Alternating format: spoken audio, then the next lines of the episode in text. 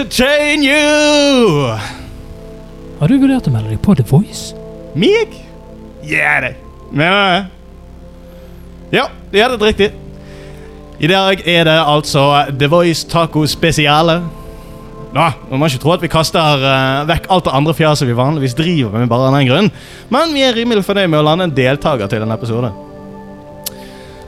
Endelig er han tilbake. The one, the only. Vi snakker om Brage. Hei, hei. Eh, lydtekniker og potet Eivind. Hei, hei. Stiller som alltid. Og la oss nå ikke glemme vårt storfine besøk. Mannen med for mye kreativitet, Gøran. Halla igjen. Strupen er som vanlig litt tørr, men her i studio aner vi råd. Studio Taco befinner seg igjen hos eh, meg i min ringekåk. Ryddet her siden sist, ser jeg. Tidsuret har beveget seg over 1800-tallet. Eh, snakker vi om unionsoppløsningen, eller klokken 18 nå? Og eh, i dag nøyer vi med oss det at det er kjølig og mye vind ute. Skal visstnok være noe Aurora Borealis som danser ute på det sorte lerretet utendørs. Hvorfor hver en ting? Vi har eh, som nevnt med oss Gjøran i dag, som for tiden er aktuell, aktuell som deltaker i The Voice. Gjøran er en mann av slanges år i 1989 og er kjent under tittel som, titler som Ervan og Voodoo. Eh, for de som har opplevd hans ypperlige eh, Opplevd han, så er han ypperlig til å entertaine fra scenen og leverer mye fra eh, Leverer mye fra seg sjøl i egne komposisjoner. Noen har vært på standup. Det var litt kjedelig å stå oppreist i flere timer, da. Noen har blitt solbrent. Uh, det finnes ikke nok aftersun i verden. Noen har fått diller på filter med 'What do you mean?' Kan noen hjelpe meg å stoppe? Og noen har skreket en baby. Kjeft!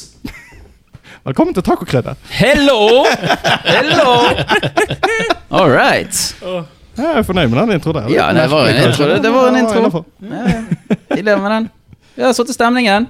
Vi har satt i stemningen, og vi er uh, att en gang tilbake. Uh, kan jeg få opp eh, programmet her, Eivind? Ja, skal du, det var feil. uh, yes.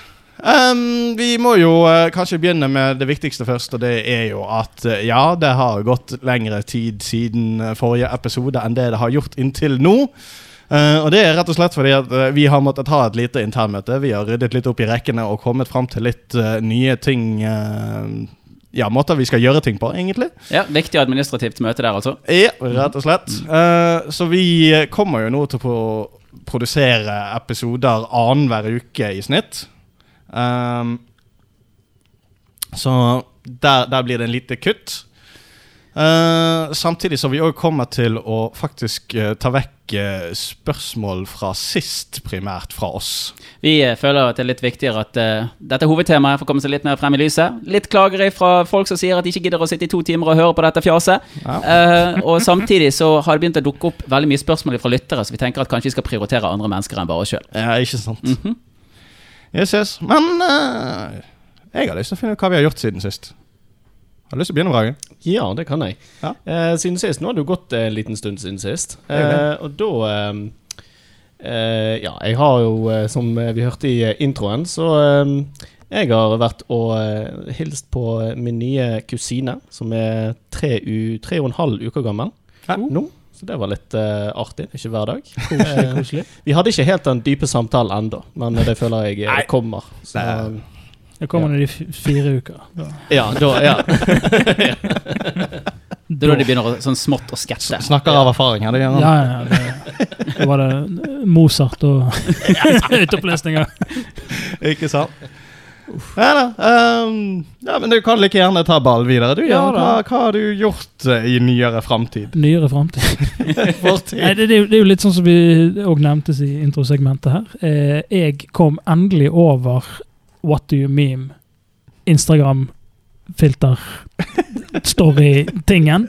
Jeg har sett den på TikTok. Jeg syns den er så jævlig funny. Det er så mange som har gjort det, og det er så morsomt. Jeg fant den endelig. Så det var det jeg nesten holdt på med en uke. Det var bare sånn oh, What a meme, what a meme, what a meme.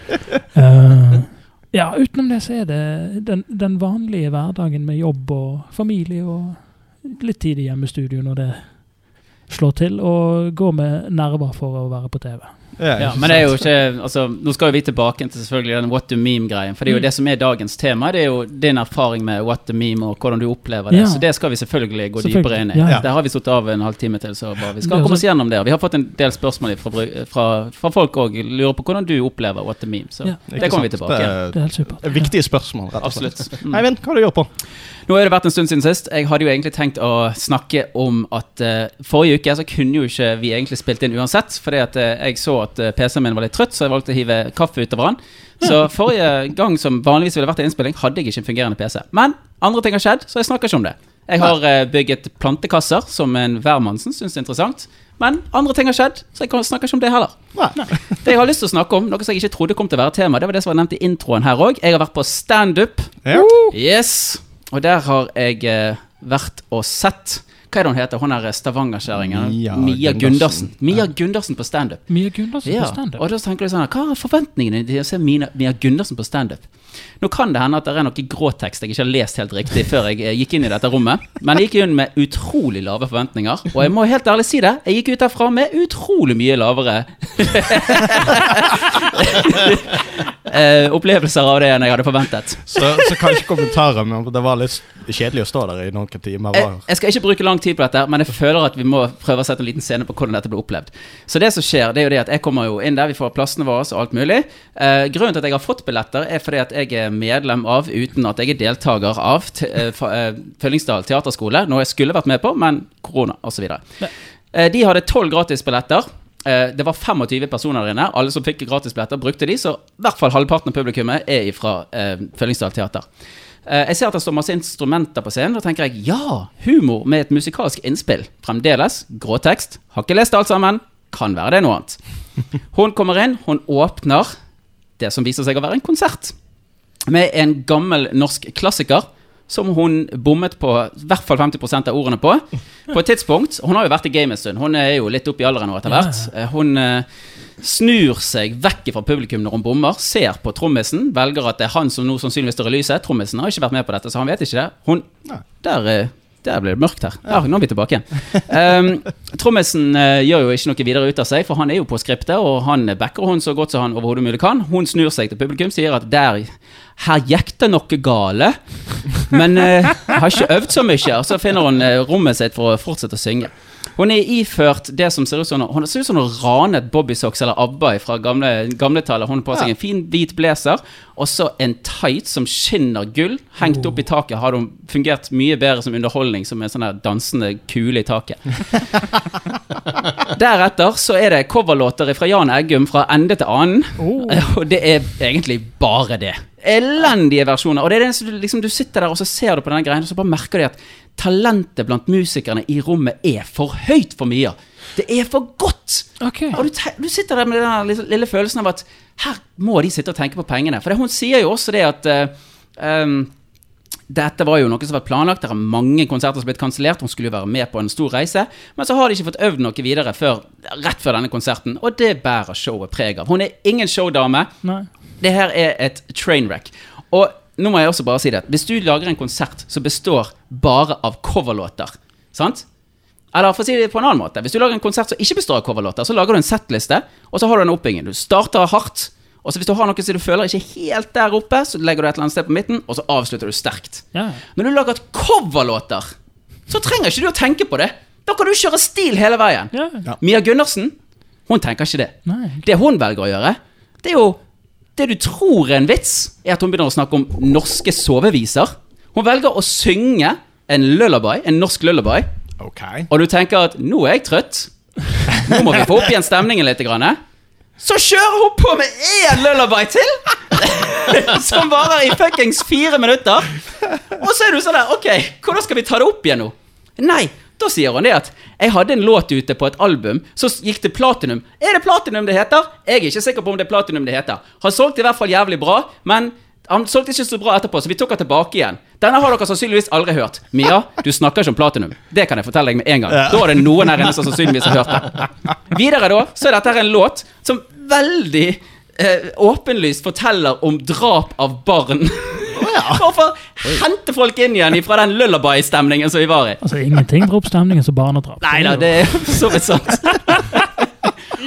Hun, vi tror at hun avslutter showet med eh, fem fine frøkner, fordi at eh, en dame i sine beste Ja, ja, 60 ja. Hun eh, må jo klare å komme seg inn på den hippe siden. Og så er du i Bergen òg med Gabrielle. sant? Absolutt. Folk sluker det. Og hun, er, hun tror hun er ferdig. Publikum tror hun ikke er ferdig. For vi merker jo det at nå har du endelig etter barnedrap klart å hente deg inn igjen. Nå må vi prøve liksom å få litt stemning. Og så står hun der, og så sier hun sånn eh, Jeg har ikke noe mer. Hun sa ikke de jo, ordene der. Jo da, jeg har ikke noe Jeg er ferdig, jeg. Jeg har ikke noe mer å komme med. Og så skriker jo en av disse fyllingsdalsfolka og sånn der Kan ikke du spille den heksedansen du spilte tidligere? Vi syns den var gøy. Hun bare Nei, vi kan vel gjøre det? Og avslutter konserten med å spille en av de åtte låtene hun har spilt. I sliten marionett Og dette, ja, og dette trainwrecket av et show blir på en måte på andre siden, ja. For det blir, de, hun klarte jo å underholde oss med hvor dårlig det var. Og, og, og hun hadde en hel låt som bare handlet om at hun var amatør. Av og til er det greit. 35 år i gamet. Mia. Men, men kanskje hele seansen her har gått deg over hodet. Kanskje det, det var det som var det store kunstverket i dette. her Det kan være. Noe som er så shit Gjør han inne på noe. at det blir art i seg sjøl. Yes. Så neste gang eh, Mia Gundersen kommer til en by nær deg med showet 'Her er jeg, jeg er meg, og jeg skal snygge til deg', men det er viktig at du vet hvem jeg er, så jeg skal snakke for det meste om meg, og jeg har skjønt det at Se og Hør de har ikke snakka med meg så mye, men dere vil jo gjerne vite litt om meg og hvordan det går, så her synger jeg litt om meg sjøl, sånn som Jan Eggum tolker meg. Så anbefaler jeg at dere ikke går på det showet. Det var eh, det jeg har gjort siden sist. Ja, eller i hvert fall ikke bruke penger på det. Men du, du brukte ikke Nei. penger på det. Nei, jeg fikk jo gratis billetter, sånn som over halvparten av publikummet der inne. Ja, det, altså, det er det, men det han har tapt, da, er tid. Ja, Ja, det har jeg. det er sant. Tid er jo det- som kjent penger. Det skal jo også sies at på dette tidspunktet når jeg er på Riks og ser på standup, fordi at vi er tilbake igjen til det, det er mer standup på Ja. dette tidspunktet, så har jo jeg prioritert vekk å se på The Voice for å se på Mia Gundersen. Og det det kjente jeg ganske hardt. Ja, ja. Men siden dette showet var såpass kort, så fikk jeg nok tid til å se på The Voice to ganger når jeg kom hjem etterpå. Ja, der har du den, ja. Joakim, Jeg eh, Hva har jeg gjort på? Nei uh. Intet uh, Jeg kommer ikke på noe sånn veldig spennende jeg har gjort. Jeg har byttet et par spill, så nå i det siste har jeg uh, begynt å dille litt grann med Northgard. Et sanntidsstrategispill med Kan minne litt om Settlers Det er det der i, i vikinggreiene. vikingtid. Ja. Ja. Så det er masse forskjellige sånn vikingklaner og greier som skal innta Northgard, hvor enn det måtte være.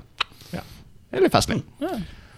Så det, og da tenker jeg vi kan eh, kjøre i gang en aldri så liten jingle. Jeg, peiser vi på? Ja. Jeg må bare skru opp volumet. Nå ser jeg at vi har satt noen innstillinger vi ikke skal forholde oss til. Dette er proft. Ja, ja. Der er vi.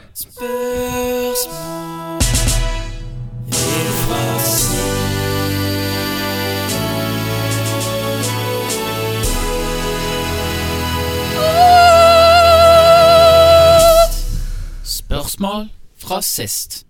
Du, så fint. likte, du likte den jinglen? Ja, det, det, den, den, den var sånn eh, Det var så kirkelig eh, topp på enden der at uh, det, det var noe som uh, kom innifra og måtte ut. Du ble rett og slett litt frelst Ja, du nå. bekl beklager alle, men må man, så må man. Ja, ja, ja. Nei, den er, den er innafor. Sist gang så var det bare meg og Eivind som var på en episode, så vi stiller sterkt med to spørsmål. Ja, det holder, det. ja da. Jeg stilte altså spørsmålet om du skulle cosplayet, hva ville du ha cosplayet? Det er noen som føler at de har lyst til å ta den med en gang. Altså, jeg, jeg har jo en, en litt nerdete bakgrunn. Ja. Fra uh, Raptusfestivalen, når den var i sin storhetstid. oh, Åh, tilbake tidlig til Raptus. Ja, ja. Tidlig eh, Eller kan det være 2000-tallet en gang. Uh, men uh, jeg var med i noe som het Tegneserieloftet, som var på 1880. Uh, hvor det var bare, egentlig en sånn eh, kollektiv av tenåringer Tenåringer, hallo. Tenåringer. uh, som likte tegneserier, tegnetegneserier. Og det er en som heter Arild Wærnes, som er en sånn ja, den store maskoten for tegneserien Norge, da. Det er ikke det han som tegner Donald? Og det- jeg blander- Nei, det er Arild Midtun. Ja, det er Ja. Beklager, Vet jeg men, bryter men, inn i men jeg, har, jeg har gjort samme tabben der og, og blander de to. Men uh, han uansett, han er jo sånn ildsjel og samler sammen disse ungdommene. Sånn, her kan vi mekke, mekke tegneserier sammen, her kan vi gjøre litt sånne ting. Uh, så en del av det opplegget var jo det at vi var frivillige på Raptusfestivalen og fikk jo tilgang til alt mulig. Eh, hvor ene tingen vi gjorde der, var å gå tog. Og jeg fikk lov å gå i tog. Som Spiderman. Oi. Full ass costume. Som hadde sikkert vært brukt fem ganger før meg, Mm. og ikke blitt vasket i mellomtiden. Å gå og trakke i fem år med diverse mannesvette i en tang trikotdrakt, det var helt nydelig. Men, men det skal sies, jeg gikk all in. Jeg klatret på trær, jeg balanserte på gjerder. Jeg, ja, jeg var Spiderman i den lille timen vi gjorde dette her. Og det, det gøye med det toget er at det himla mye barn som joiner disse togene og syns det er gøy. Og det finner, min far har et bilde hjemme på PC-en av meg i Spiderman-pose på den blå steinen, og sikkert ti unger i Spiderman-kostyme rundt meg, og bare sånn altså, Du ser de øynene deres liksom sånn Du er Spiderman, du. så Det er jo fryktelig gøy. Ja, så eh, kanskje Spiderman. Ja, bare for å Gjenta Dra suksessen. nostalgien ut av deg. Nostalgien igjen. altså. Det har vi snakket om i to ranter allerede. Akkurat, da du, du stiller deg i den rekken du òg, av disse folkene som kommer på disse blodsprengte Spiderman-draktene. Se på blodårene mine. Ja. Ja, nei, jeg kan uh, ta, ta uh, den jeg uh, hadde hatt mest lyst til å, å cosplaye. Og det er rett og slett det at jeg kom over et kostyme noen har laget, The Arbiter fra Halo-serien. I en uh, Altså, det er jo massiv, eh, et massivt kostyme på Du raver jo to og en halv meter over bakken med hele pakken. Og det er jo basically du hiver deg i en slags mech-suit. Så du driver og trasker rundt i, og han er så grisetøff. Så jeg, jeg tar den, jeg. Nå var jeg, eh, jeg bare tar den fra deg der. Jeg, at, nå ble jeg litt bekymret for det. Nå, nå skjønte jeg at du skulle inn i Halo-universet. Og tenkte nei, nå har jeg tatt den som jeg skulle ta. Men ja, selvfølgelig. Jeg har jo veldig lyst til å kle meg ut som Cortana. Som også er å finne i Halo. Ja, Som er den eh, kvinnelige protagonisten. Han bare ja, vi må spille litt mer squash. Sånn at, eh, sånn at eh, For det at muffinsene mine er ikke helt Cortana-muffins, men puppene har jeg, så der er vi gode. Ja, okay. ja, de har du. Skjønner. Har du, Brage? Eh, jeg tror jeg hadde valgt eh, de der gigantiske robotene i Japan. De der Er det, er det Gundam? Gundam. Ja, ja Gundam. Ja. Men også bare massiv. Sånn 20 meter høy, og så er jeg en sånn liten prikk inni der, Okay, så du, du, skal, du skal rett liksom. og slett kjøre Pacific Rim, du? Ja, rett og Med. Gundam? Ja, rett og slett. Det er meg. Å styre og trampe rundt i gatene, det er meg. Men kan, men kan du lage det i papp? Eh, forhåpentligvis. Men også ja, men Ingenting hadde vært fetere enn et 20 meter høyt kostyme i papp. Og så begynner, begynner det å regne. begynner å regne, og så blåser det, og så er det Ja. Så snakkes.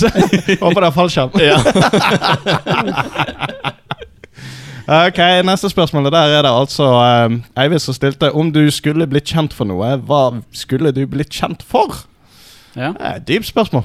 Ja, jeg eh, bare tar og blir ferdig med det Ja, en gang. Jeg hadde hatt lyst til å bli kjent for uh, Norges første coverband for Evron. Oh. Norges første coverband. Oh. Ja. Dette er Gjøran sitt eh, nåværende Ja. soloprosjekt. Og jeg Ja, tenker ja, at ja. eh, når jeg ikke lig helt ligger i det toneleiet som han er i, da, så har jeg noe å jobbe opp mot. da Og så tenker jeg at coverband skal jo uansett ikke nå helt opp til. Så der eh, tenker jeg at Skal eh, være litt dårlig. ja, Det skal være litt dårlig. Ja. Mia Gundersen gjør bra. Du skal være, du skal være litt skuffet når du Ja. går der. Altså, ja, jeg skal covre Evron, og så skal jeg varme opp for Mia Gundersen. Det, det er livet mitt. Men det er problemet er at det er det jeg skal bli kjent for òg. Gjør det, da.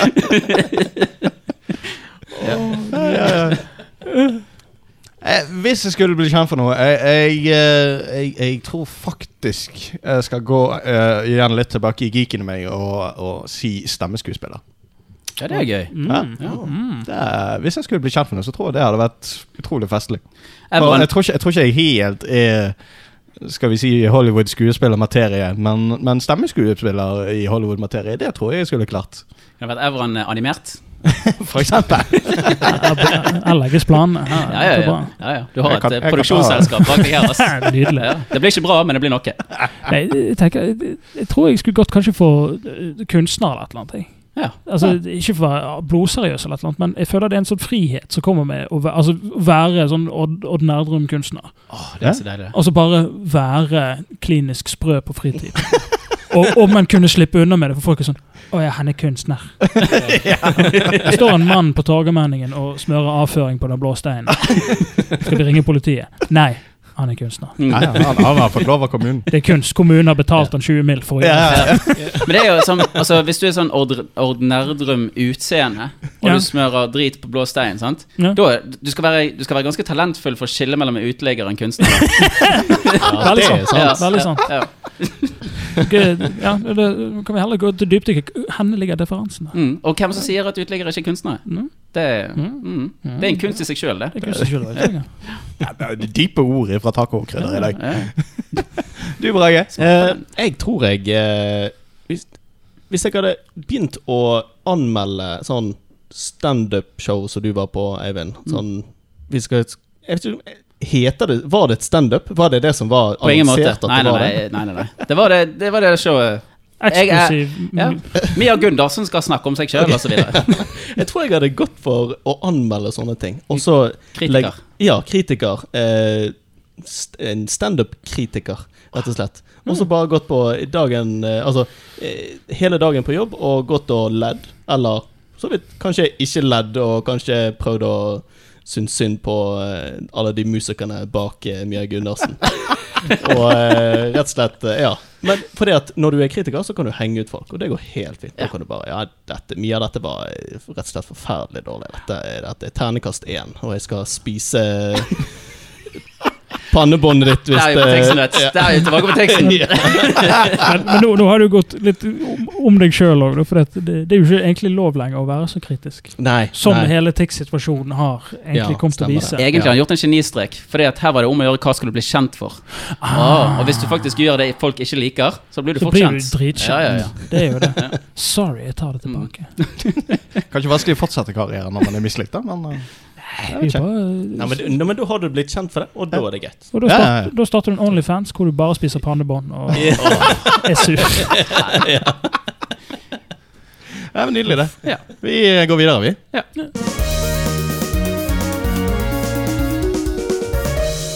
Hei, velkommen til Taconytt. Det er altså da Eivind her som skal lese opp noen nyheter han har skrevet ned på forhånd, og noe som han har lest de siste to ukene, så dette er ikke nytt, men det er Taconytt. Torsdag forrige uke besluttet FHI og Legemiddelverket å stanse vaksineringen med AstraZeneca-vaksine i Norge. Dette som et resultat av en rapport fra Østerrike og Danmark om mulige bivirkninger hos enkelte som hadde fått vaksinen. To dager etter ble det kjent at tre vaksinerte helsearbeidere fra, var innlagt på Rikshospitalet med en sjelden kombinasjon av blødninger, lavt blodplatetall og blodpropp. En av de, en kvinne under 50 år, døde på søndag. I etterkant har en rekke europeiske land og flere andre fulgt etter og satt vaksinen på vent.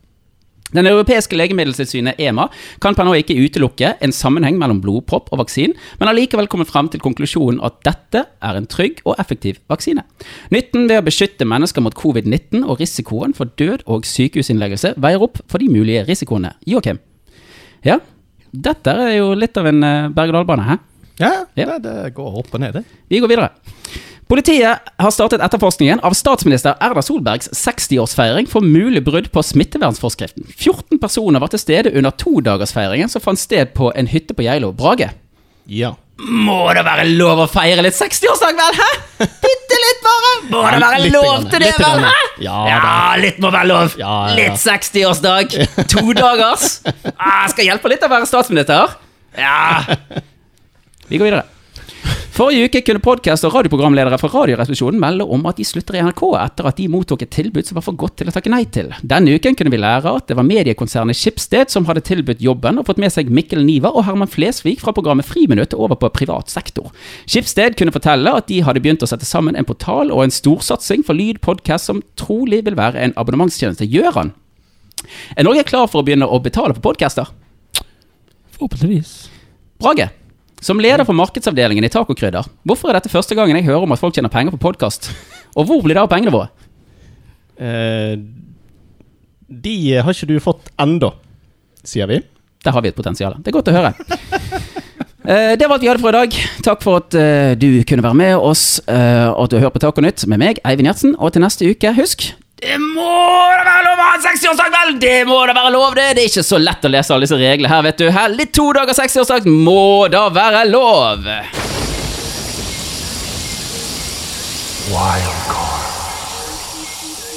Ja.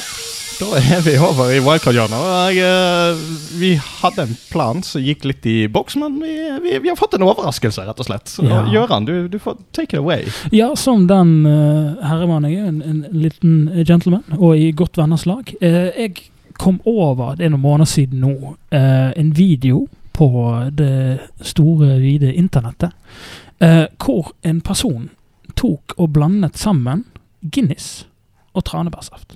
Ah. Det var, og det var egentlig en litt sånn anmeldelse av dette, for han hadde sett det en eller annen plass. Uh, han var overrasket over smaken på dette. Mm. Uh, siden jeg har sett den videoen, har jeg vært spinnekjerrig på dette, men jeg har aldri gjort det sjøl. Så jeg har tatt med til vertskapet i dag to bokser med Guinness og tranebærsaft. Jeg liker den eh, tranebærsaften. Den kommer i sånn eliksirformet glass. Den, Er det tranebærsaft? det er ikke tranebærsaften. Nei. Å, nei, det er ikke det, nei. er, Den sto på disken til Joakim. Jeg vet ikke hva det er. Det var, det var det er rett før. Er det lube? Nei, det er snaps. Men ok, så er det Eh, snaps. Det er snaps. snaps. Ja, vi kan ha litt okay. snaps oppi òg, men eh, jeg kan gå og finne i Da kan to av oss eh, begynne å helle oppi. Vi har da altså to bokser med Guinness stående her på bordet, og så har vi fire glass totalt. Og eh, for at eh, dette skal være gøy for lyttere å få med seg, så skal vi heller fortelle litt hvordan helling av eh, denne Guinness. Guinnessen fungerer. Og for de av dere som ikke har helt Guinness før, så skal der er Brage på vei og begynte å helle det utover gulvet istedenfor. Det er ganske fint. Uh, jeg har eh, skummet opp et glass her, og Joakim er i ferd med å gi meg et nytt glass fordi at han er litt han er litt god på det. Nå ser vi det at vi begynner å fylle opp glasset til Joakim, og Brage er i gang. Jeg er i teten, men Brage er i gang. Som bartender så ser det ut som jeg ligger greit an. Der har Joakim fått sitt glass tilbake. Og Gjøran, som egentlig styrer dette opplegget, har fremdeles ikke, Ikke fått fått Guinness dritt. i glasset sitt. Nei. Men han, han har funnet en organic cranberry-kartong. Ja, Er det Det- organisk, dette? altså? Dette var det rimeligste som var på Meny. Det er riktig av Meny å velge det at det organiske Ja. skal få lov å komme Men til det, lengst det var ned på egentlig prisen. òg litt Altså, det rimeligste, men det var òg det som jeg følte så litt mer fancy ut. Dette er en Montauk, en Ja, for- for den- Montauk. Ja. Ja, for den Hind-greien så ut som noe som var eh, tvunget inn fra Tyskland. Med eh, design gjort fra eh, en barneskole en eller annen plass. Ja. Han, han var litt for lystig, egentlig. Sant? Du, du, nå har du Guinness, som er Altså, det ser ut som sølevann fra en eller annen myr i Irland. Nydelig. Og eh, da må ikke du ha for mye lystighet i dette. Hva er Eh, blandingsforholdet i den drinken? 50-50, så vidt jeg har skjønt. det. I helsike, det skal mye tranebær oppi dette. her. Ja. Hva tror du irene syns om at vi vanner ut eliksiren deres eh, med tranebær? Altså, er de eh, modne? Jeg kan, jeg kan forhøre meg med James. Ja, han, Han- er ire, altså. Han er ire. Ja vel. Så han, eh, neste gang jeg møter han, så skyter han sikkert meg. Ja. Så det, nå eh, er det egentlig ikke noe annet for oss å gjøre enn å beskue Har du lest noe om dette her skulle ristes eller noe sånt? Om vi skal riste tranebærsaften? Nei, den må Nei, det, er- altså, det står tranebærdrikk. ja. Ja. Og i mitt hode da, så er det ikke noe fruktkjøtt eller annet ulumskheter som Ja, ligger nei, i jeg, jeg bare syns han så så saftig ut. Ja, men det, hvor kom den fra? Si- Sier dere 50 på dette? Den her ser 50 ut for Ja, meg, altså. ja, ja. Det gjør den. Den er ca. dobbelt så høy. Dette her er jo virkelig nydelig. altså. Det som vi nå står og ser på her, det er jo da et eh, svart myrvann som eh, bare rett og slett erigerer seg oppover i glasset. Men skummet blir fint tatt vare på, men det blir ikke noe sånn blanding. sånn at Det blir litt sånn du, du Det holder ikke. fint på fargen. Ja, det er Absolutt. fortsatt mørkt. Det ser Ja. ikke ut som Grann. Så dette er for alle barn som sitter og hører på dette her og har vært inne i barskapet til foreldrene sine og stjålet halvparten av Guinnessen, i- så kan de egentlig bare toppe det opp med litt uh, eh, Tranebærjus. Litt tranebærjus. Så er jo de egentlig i boks, det. Så sånn skal sies, dette her har jeg aldri prøvd sjøl. Dette kan gå veien at vi, dette blir nye tingen for oss. Mm. Det kan òg ende opp med at vi kollektivt går ut på badet og spyr. Og, og, Spyr om og, kapp, og og folk vet jo at dette her er jo en liveinnspilling, så hvis vi nå kollektivt løper ut på badet, så skal jeg se om jeg klarer å rekke å sette på noe pausemusikk før vi løper, og så er vi tilbake når vi er tilbake. Men jeg sier skål. Skål, skål vi ja. vi får et klink i dette? Det høres ut som plastikk. Flotte ting. Okay. Og så tar vi Eh, kostesmak. lykke, lykke til, folkens. Lykke til, alle Eh, sammen. Jeg tror, jeg tror jeg går for uh, hyggelig å kjenne dere. Kan jeg være ærlig? Det var ikke rent gale. Det var det faktisk ikke. Nei. Det var ikke Nei, jeg trodde det skulle være verre. Ja. Men det, Ja. dette er ikke Men jeg, jeg, jeg, jeg, det jeg mistenker i det, er at altså, tranebær er ikke en veldig søt juice, Nei. hvis du får tak i den. Han har en liten sånn syrlighet i seg. ja. Mm. Og Guinnessen er jo en ganske sånn tung, mørk øl, men han har et lite hint av sødme. Så Riktig. Jeg om det er en sånn Jeg, jeg må jo si at jeg har ikke drukket veldig mye Guinness opp igjennom. Eh, Så jeg tror, jeg tror jeg kjenner eh, Du kan si denne Guinnessen ligger der, men han er kraftig døyvet på en måte. Det er Ja. på en måte kommet et litt søtere slør rundt Guinness-smaken. på en Ja. måte Ja, Han har en, mm. denne eh, eh, saften har en sånn bitterhet i seg. det er jo Så litt sånn merkelig, egentlig. For at du tenkte han er søt, men bitter. Bitter sweet. oh. Mm. Ja. Det er en uh, ikke, ikke dumt. Nei. Jeg uh, En sterk Skal, vi, firer. skal, vi, skal vi ta utfordrende denne snapsen òg mens vi er i gang?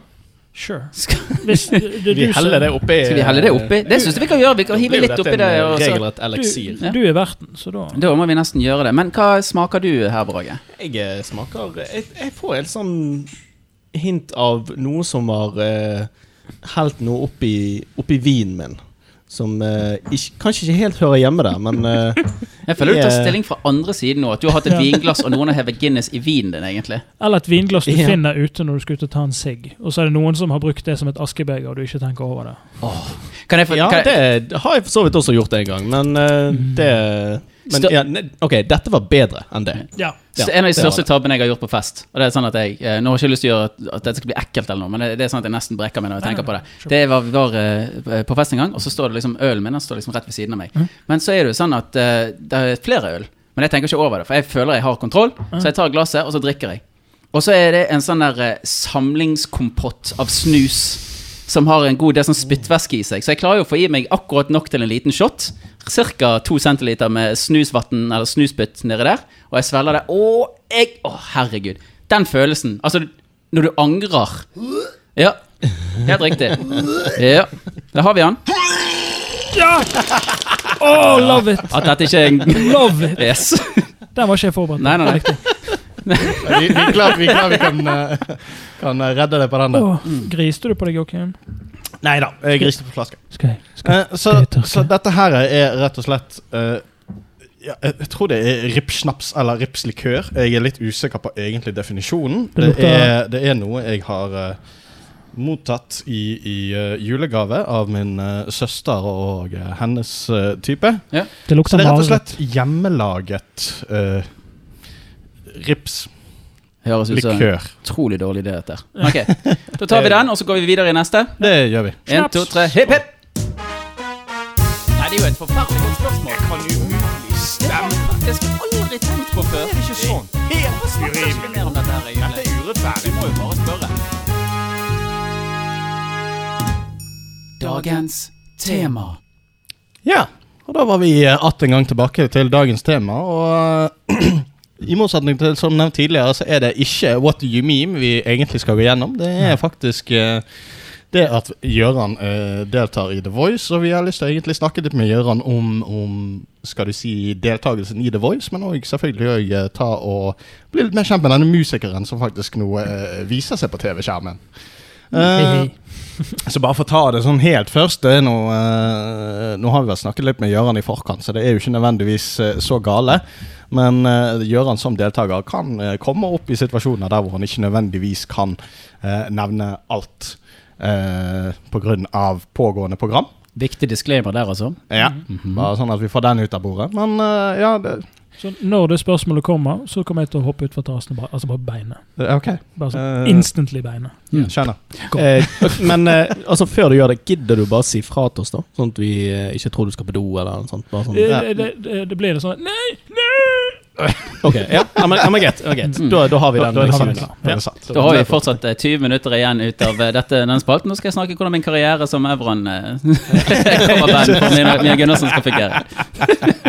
Så kan det være, hvis jeg røper nå, at det kommer et jo rød prikk som kommer svevende inn i rommet og lander på hodet mitt. Oh, shit. Ja, det er det jævla helikopteret der ute Ja. har stått og gjort det hele tiden. Så dere må si ifra. Ja, Det pleier jo ikke å være det.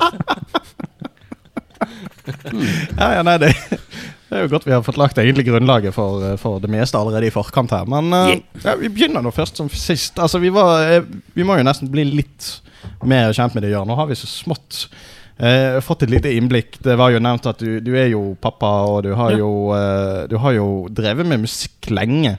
Ja. Ja.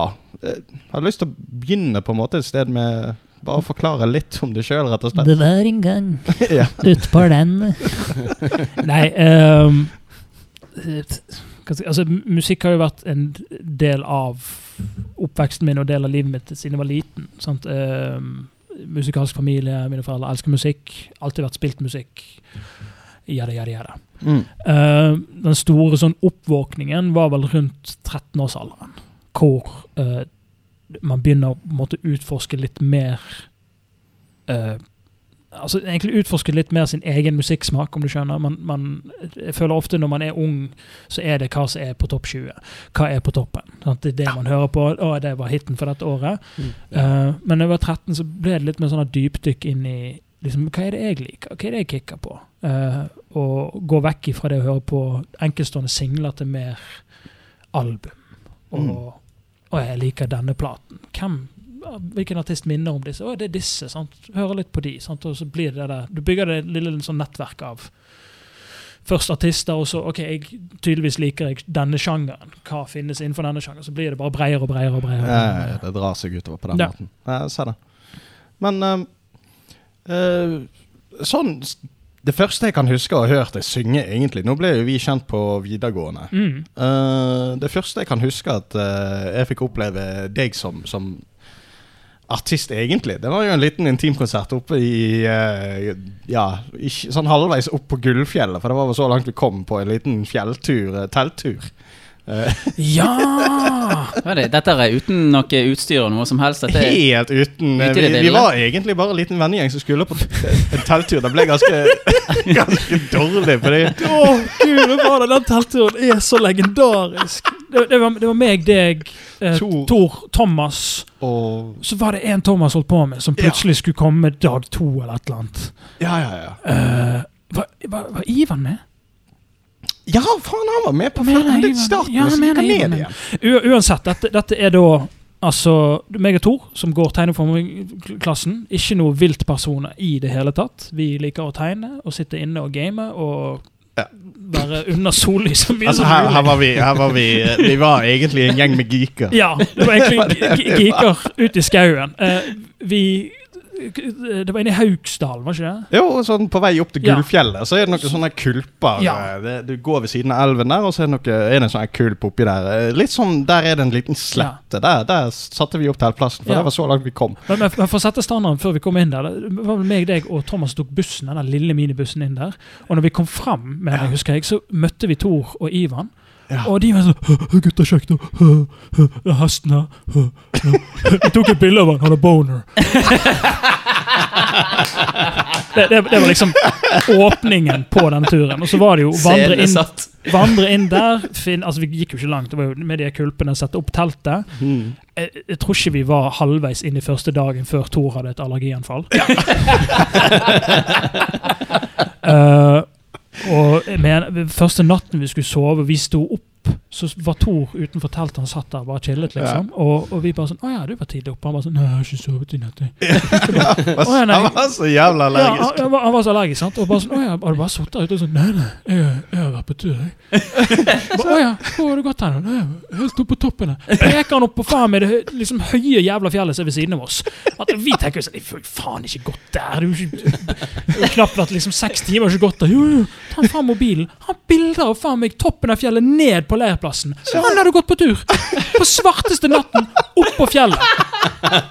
Og så mener jeg jo dag to var da vi gikk og badet i kulpene her ute. Som er jo smeltevann på toppen av fjellet. Det var jo snittemperatur på kanskje to grader. Hvor vi jo sånn Badeplask! Kvelden.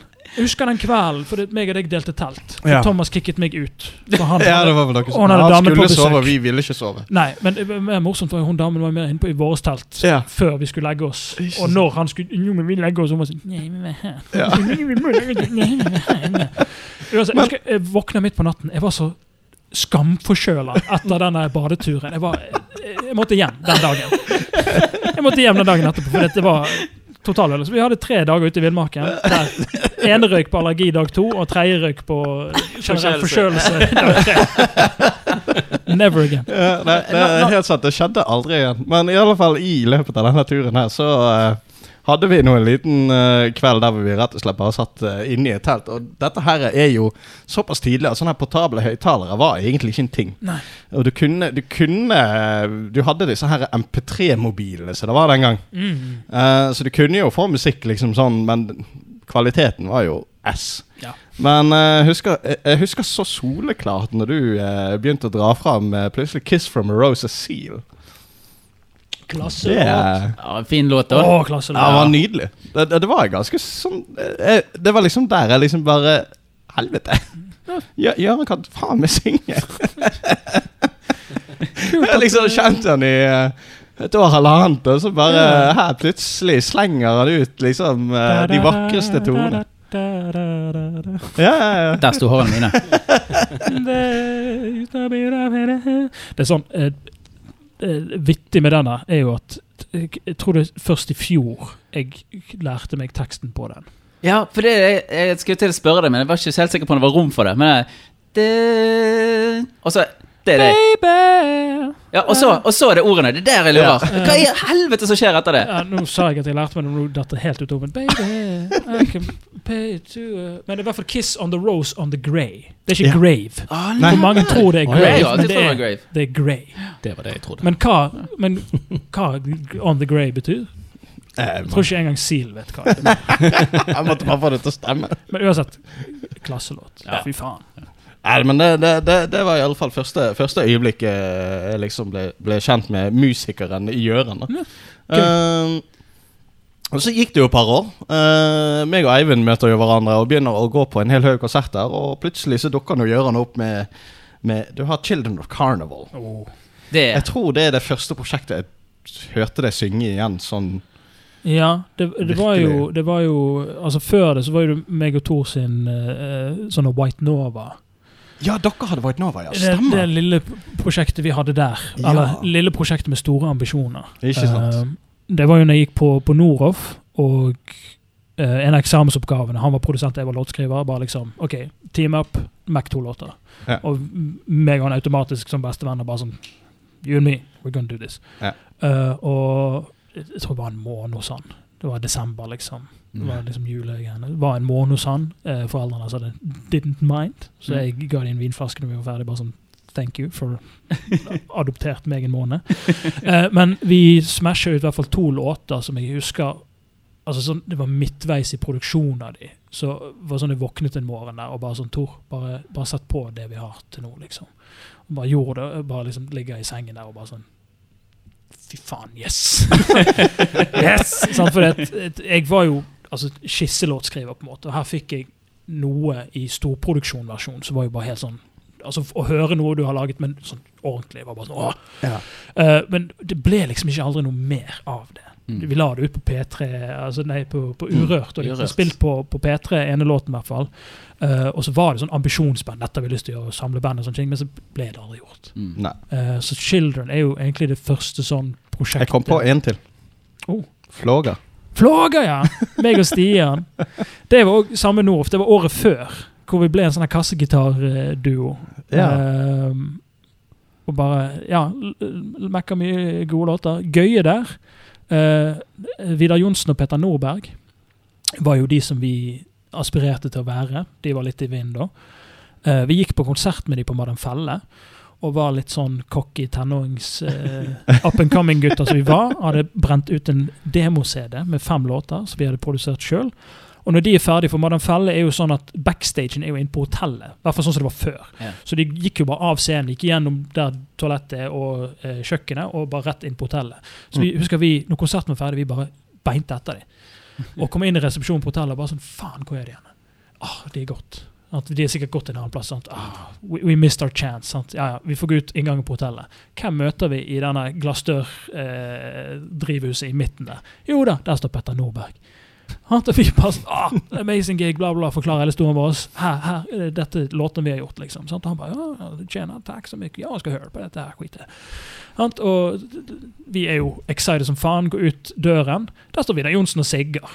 Så vi får jo møtt han og preke med han. Eh, og så gikk det noen uker, og så plutselig på MySpace ho-ho, Åh, det var det en gang. Plutselig på MySpace så dukker det opp en kommentar på ene låten vår fra Petter Nordberg. Nei. Jo, bare sånn Jättekul låt, pojkar. Liksom. Bare en sån en liten thumbs up fra Petter Norberg som vi levde ju på resten av det året. Det var sånn, yes! Ja, det var stilig. Det var Men ja, jeg venter fortsatt på, på en, eh, et nytt eksemplar av eh, en nattasang for de ensomme. Ja, ja, ja. Klasse, jeg Klasselåt. Jeg må helt ærlig si at det er utrolig kult liksom, at du har gjort, gjort denne amerikanske drømmen. Det der At man tar med Ja. seg en mixtape, og så skal man gi den til noen, og så skal du liksom bli stor ut ifra at de har Ja, ja. hørt på den. Det er liksom det du ser på TV. Liksom, tenker at Det er jo ingen som gjør det. Nei, nei, også, det er jo ikke de du skal gi den til, du må gi den til et label. Eller noe. Altså. De har jo nok med seg sjøl. Sånn, hva faen skal vi med dette her? Så nå må jeg skjønne retrospekt, men, men altså, det er jo bare nok for meg det at, at han har jo tydeligvis hørt på dette her og Ja. lagt igjen en kommentar. liksom var jo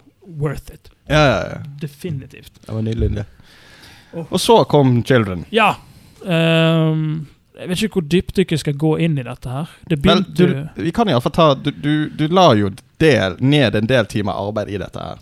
en stor del timer. Altså, det, det begynte jo som uh, altså Tarjei, gitaristen der, vi gikk jo på høyskolen sammen. Eh, og han og Cornelius og Gunnar, som er trommisen og pianisten, eh, var jo venner fra der de kommer fra i Stavanger. Ja. Eller Bryne. Um, og jeg ble jo godt kjent med Tarjei det året vi gikk på høyskolen. Uh, og så året etterpå så var det litt sånn Jeg skulle i jobb, han skulle fortsette å studere noe annet. Og så inviterte han meg bare ned på en jam i et øvingslokale de hadde som var rett ved siden av der jeg bodde, oppe på, Ja. på Damers. Og bare sånn Vi har kommet så langt med dette prosjektet her nå. Vi har lyst til å ha vokal på dette her. Er du interessert? Sånn at Ja. jeg var sånn, ja, ok, ned, Hører to av skissene som de har laget, liksom. Og det Altså, sounden med trommene og bassen og git... Nei, eh, trommene, pianoet Ja, det var en bassist òg, men han husker ikke navnet på. hva Han var ikke Mm. Han ga seg ganske fort etterpå. I hvert fall, De tre, den sounden de hadde på en måte skapt sammen der og da, var liksom nok til at i hodet mitt så dukket dette her gale huset og dette sirkuset og alle de der Det var en sound der som skapte magi i mitt hode, da.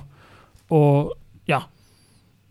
Vokallinja kom, ideer kom, og der liksom var det sånn Det begynte allerede å, å gro i, i bunnen der om at dette her kan bli et visuelt konsept større enn bare en låt eller en, en sound og sånne ting. Ja, for, for Children of Carnival var jo et, et uh, band som hadde mye teatralsk ved seg, i alle fall i forhold oppimot veldig mye annet vi ser. Ja. Uh, og kan vi si at det var uh, historie på en måte som var uh, den røde tråden i, i bandets musikk, eller? Ja, på, på, måte- altså det begynte jo først med som snak- De to første låtene som var, var Det ene ble liksom teksten litt sånn om et, et, et galehus, og andre passet bedre til et sånn sirkus. Og så gjør man sånn som man ofte gjør, at man liksom sånn Let's put these two together.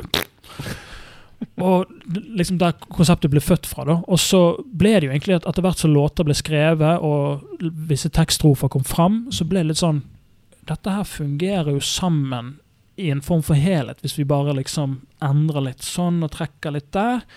Og så ble det jo til liksom det der konseptet rundt at det er et sånn traveling circus, på en måte, som forteller historier om et, et, et sinnssykehus som har på en måte fått et, et sirkustelt rundt seg og blitt gjort om til et freakshow.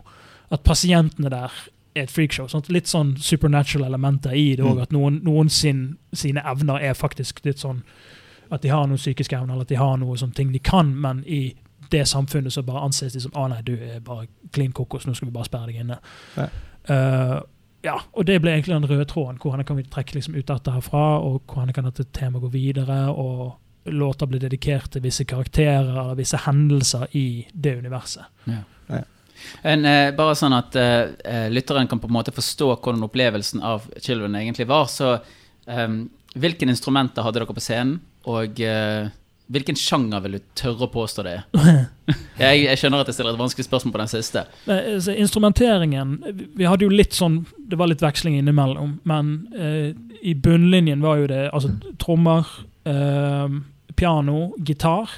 Vi hadde på ett tidspunkt altså upright bass, eller ståbass, som det heter på et eller annet språk. Jeg vet ikke. Eh, vi hadde òg hatt en sånn gammel Hofner-bass som eh, Paul, som var bassisten vår, som et øyeblikk var. Eh, mer visuelt fint med en ståbass. Ja. Eh, vi har trekkspill, og vi hadde fiolin. Og vokal, selvfølgelig. Har jeg glemt noe nå? Nei. Nei. Jeg tror ikke du har glemt noe sånn som jeg kan huske, Nei. Nei. huske det. i hvert fall Men det er jo i hvert fall en komposisjon som stiller seg litt utenfor Ja. den klassiske rocken som du gjør. Ja. Det er jo det. det, er jo det. Altså, det er, altså, her er det jo snakk altså om et band som på scenen var syv stykker. Ja, vi, vi var mange på det meste. Og altså, den, den Desidert sånn Altså, sounden jeg følte på en måte at nå er vi nærmest der jeg har lyst til at vi skal være, på en måte. Det var når vi hadde kontrabassen og vi hadde fiolin. Mm. Jeg savnet trekkspillet, for det hadde gjort seg, men vi hadde ikke det da. Men eh, den siste halloween-gigen vi gjorde, Mm. der, der følte jeg der, der nådde vi et nivå. Ja. Som var bare sånn Å, smarte der. Um, nei, uh, sjangermessig vi, vi var jo veldig inspirert av Kaizers, men vi dro det litt mer jazzete. Mm. Så en slags teatralsk jazz-Kaizers. Ja.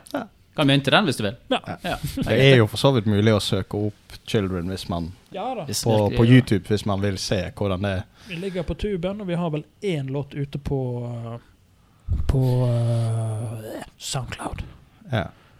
Mener jeg. Men uh, så gikk ferden videre. Ja. Um, vi eh, Det var jo vodo.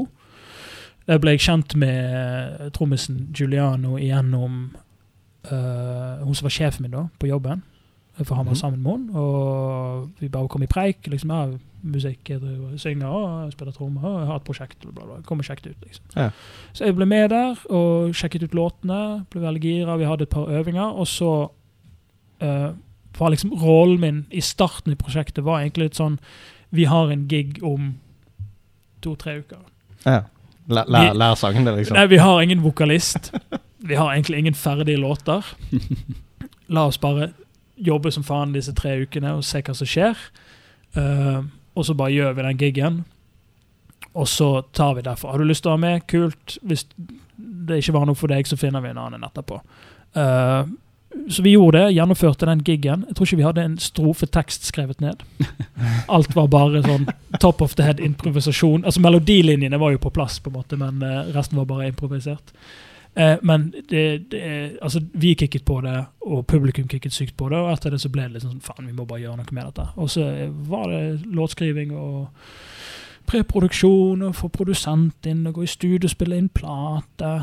eh, være litt frampå rundt omkring på Vill Vill Vest. Uh, helt tilfeldig, egentlig, gitaristen vår som har et label på siden som vi egentlig hadde tenkt å gi ut platen på, var i en sånn konferanse for labels på yeah. Vill Vill Vest Yeah. Yeah. hvor han møter han som er sjefen for Indie Records i Oslo. Og de kommer i preik. Uh, og han bare sånn Ja, jeg har et band, vi har noen låter, liksom. Ja, cool. Bare send det over.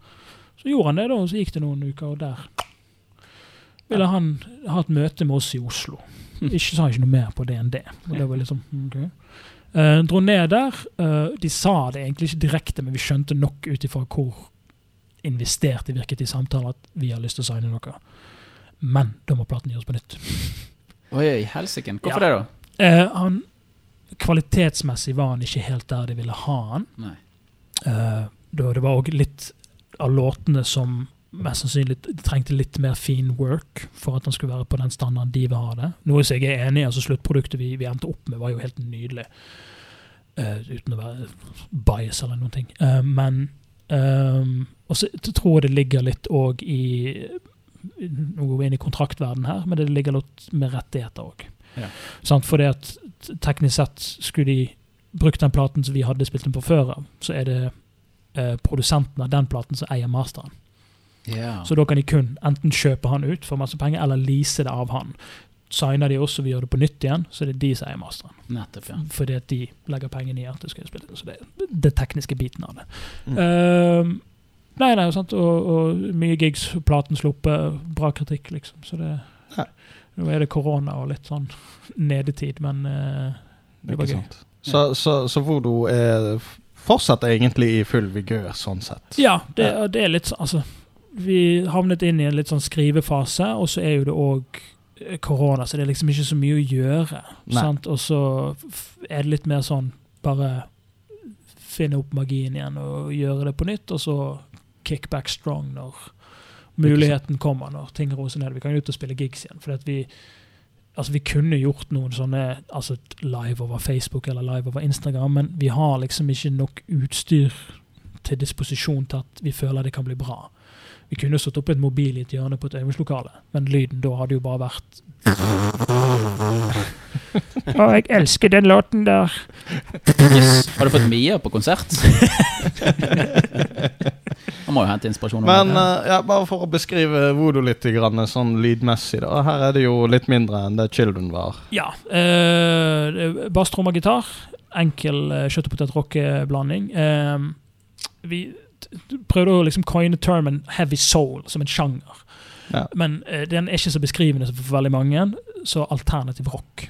ja. Det er egentlig det jeg føler. Fordi vi er, vi er ikke soft rock. Vi er heller ikke heavy rock heller. Vi er alt-rock. Ja. Ja. Mo moderne alt-rock. Ikke sant? Ja. Ja. Eh, men Ja, vær så god. Nei, jeg bare tenkte Jeg, jeg, jeg, jeg syns det var eh, veldig gøy å ha ferden, så jeg, eh, Ja, jeg, jeg det, vi skal egentlig fortsette, var Ja. det jeg tenkte. Fordi koronaen kom jo, eh, og la en liten demper for vodo. Jeg, hvis jeg ikke misforsto det rett ut ifra det jeg fikk av oppdateringer fra deg, så brakte det det videre til ditt neste prosjekt igjen. Ja, eh, teknisk sett så begynte prosjektet litt før. Um, Ja. Det er jo da Evran, eller egentlig sånn som Nå kan vi ta det på luften. Premiere på dette her. Uttalelsen på Evran er faktisk ikke Evran, det er Uran.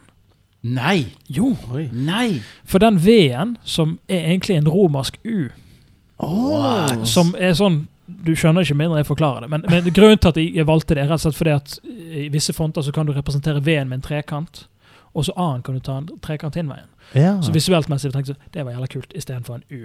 Du, der er litt smørebæsj på blåsteinen i deg likevel. Ja, ja. Jeg, tok, og- altså, jeg stjal egentlig fra bandet Churches, for de gjør samme tingen. Ja, de gjør smørebæsj. Men det, slett, det gjorde de pga. på grunn av Google. At Skriver du en Churches i Google, så finner du kirker. ja, ja. Så derfor skriver de det med en V istedenfor. Ja. Uh, nei, så det er Uran, som er et spill på egentlig navnet mitt på engelsk. Ja. Fordi at What's your name? Uh, it's, Mm. it's Gjøran. Ja, ja, Gjøhe. sånn, så jeg merket jo det at, at uh, sånn Jules, trommisen i Vodo, han liksom Duran, Duran, Duran. Sånn, så Duran Duran-bandet. sant? Eh, DU, Duran. Mm. Enkelt og greit. Uh, nei, jeg, um, altså jeg har jo skrevet låter siden jeg var 13 år gammel. Ja. Uh, har harddisker stappfull. Uh, men jeg har aldri liksom gjort meg flid med det. Det har vært liksom fange en idé, fange en skisse, jobbe litt med den. Uh, nå er den sånn grei, men jeg vil ikke dele med noen, fordi at den er ikke ferdig. Og der ble den liggende på harddisken og støve vekk. Um, så det var egentlig i 2018 at jeg tok meg litt sånn i nakkeskinnet og bare sånn Nå har du så mye materiale liggende, og du kan dette her. Du har, altså, du har gått to år utdanning innen lyd- og musikkproduksjon. Du har balt på med dette hele tiden. Liksom. Du kan det. Hvorfor ikke bare investere litt mer tid i det? Og gi deg en utfordring. Se, hvor langt kan du pushe deg? Hvor, hvor bra kan du få dette? Kan du få det til et, et punkt hvor jeg liksom kunne slippe det på strømmetjenester eller ute i verden, og Mm. sitte inne med sånn Ja, ja, det er ikke perfect, men det er jo ikke helt bak mål heller. Sant? Det ja. så yeah. det er egentlig det målet mitt var, og innen 2019 så var første låten som jeg droppet ut gjennom under det artistnavnet. Um, og det er bare liksom investere tid, investere litt penger i plugins, og se himla mye YouTube-tutorials på hvordan ting gjøres. For det, altså, det er liksom det, det er vanskelig, men du må begynne en plass, og du må gjøre det. Du må bare gjøre det, og gjør du det lenge nok, så blir du flink i det. Det er ikke, det er ikke noe du kan på en måte sitte og lese i en bok eller se masse tutorials på, og så blir du kjempeflink. Du må bare gjøre det. Du må bare traine ørene dine, du må traine eh, hvordan, ja, hvordan du produserer. For det, det, er, det er superlogisk når du kan det, men du må liksom bare ta de lange, tunge stegene oppover den stigen. Det er litt stilig, syns jeg. For eh, som musiker så har du, stiller du med veldig mange forskjellige lag. For at, eh, sånn som du sier, du har gått gjennom Children, så var Mm. dette karneval-rock-aktige greiene. Mm. Eh, mye sånn historiefortelling, gjerne sånn, kanskje et hint av tretaktere her og der og sånn. Ja. Og så går du da inn i vodo, som er den mer sånn klassiske rock, som du gjerne kan kalle for alternativ rock, hvis du Mm. vil. Men du, du ser du går i en annen retning. Stemmen din er jo fortsatt ganske skildrende, sånn som jeg har hørt både Children og i voodoo. Liksom, du hører at det er Gjøran som synger, der, er du, yeah. der stiller du litt sånn frem, da. Men jeg må jo helt ærlig si det at Den gangen du slapp um, uh, Evran sin første singel, Mm. da var jeg litt sånn uh, Når jeg liker Voodoo uh, veldig godt for øvrig, yeah. så var jeg litt sånn Der kommer musikk fra alle kanter. Så jeg tenkte sånn, ja ok, så det her er ny Jeg kjenner Gøran, han han er flink å synge, men jeg, jeg tar ikke meg bryet akkurat nå. Jeg, jeg er opptatt akkurat nå. Ja, ja. Og så en gang ned på, på vei til bussen, da, så, så setter jeg på en av låtene dine. Og så Jeg tror jeg hørte den seks ganger rett etter hverandre. For det, det som er greien, er det at du tror at du har gjort opp en formening om en person. Ja. Du tror du har gjort opp en formening om liksom, hva er denne personen i stand til å lage, og hva musikk er det han kommer ut med. Så liker jeg gjerne musikken, men det er ikke sånn at jeg trenger å gå ut av meg sjøl for å liksom, finne ut liksom, hva går det an å lage. Og så tenker jeg at han går vel ikke for langt vekk fra det han allerede driver med. Nei, nei. Så jeg kommer ikke til å sette på noe som kommer til å overraske meg. Men du har jo gått en helt annen vei med dette prosjektet. Altså Du har jo gått Det, det er mye roligere. Det er melankolsk. eh, Stemmen bærer, preg, eh, bærer eh, veldig mye av låten. Mm. Og melodien den spiller på veldig mye sånn Litt sånn mystisk mollakkorder. Så det, det, liksom, du liksom merker liksom at det, det, det er noe over som Ja. du, er, du blir tatt vare på. Det er ikke, det er ikke bare liksom Her er fortellingen, og sånn er han egentlig. Nei. Så der, er, der ble jeg veldig overrasket over å høre liksom at uh, du kan ikke for, Folk er forskjellige. Og du kan ikke tro at eh, fordi at du har hørt noe, at det er alt som ligger inne hos en person. Og det beviste du veldig godt på det albumet. Nei, takk, takk. Ja, ja. Jeg, har, jeg har for øvrig funnet frem eh, På skjermen her så har jeg funnet frem Evron. Jeg tenkte liksom kanskje det kunne vært litt artig å ta et lite utdrag av en låt. Ja, jeg kjør på. Ja. Det er bare det er det øverste på greiene her. Jeg vet ikke hva jeg ser på her. Eh, Villains in the Night. Villains in the Night. Eh, det er vel den av de tre som er ute nå, som jeg er mest fornøyd med. Ja. Uh, uh, altså jeg føler den som er Altså Han har sine ting som jeg ikke er fornøyd med, med han selvfølgelig. Sånn som skjer når man blir flinkere i det. Så ser man ah, faen, jeg skulle gjort sånn, jeg skulle gjort ditten. Men bare sånn fra, fra en låtskriver sin side, fra A til B, så er den helt sånn mm. Vi tar 20 sekunder og hører eh, starten på den låten, vi.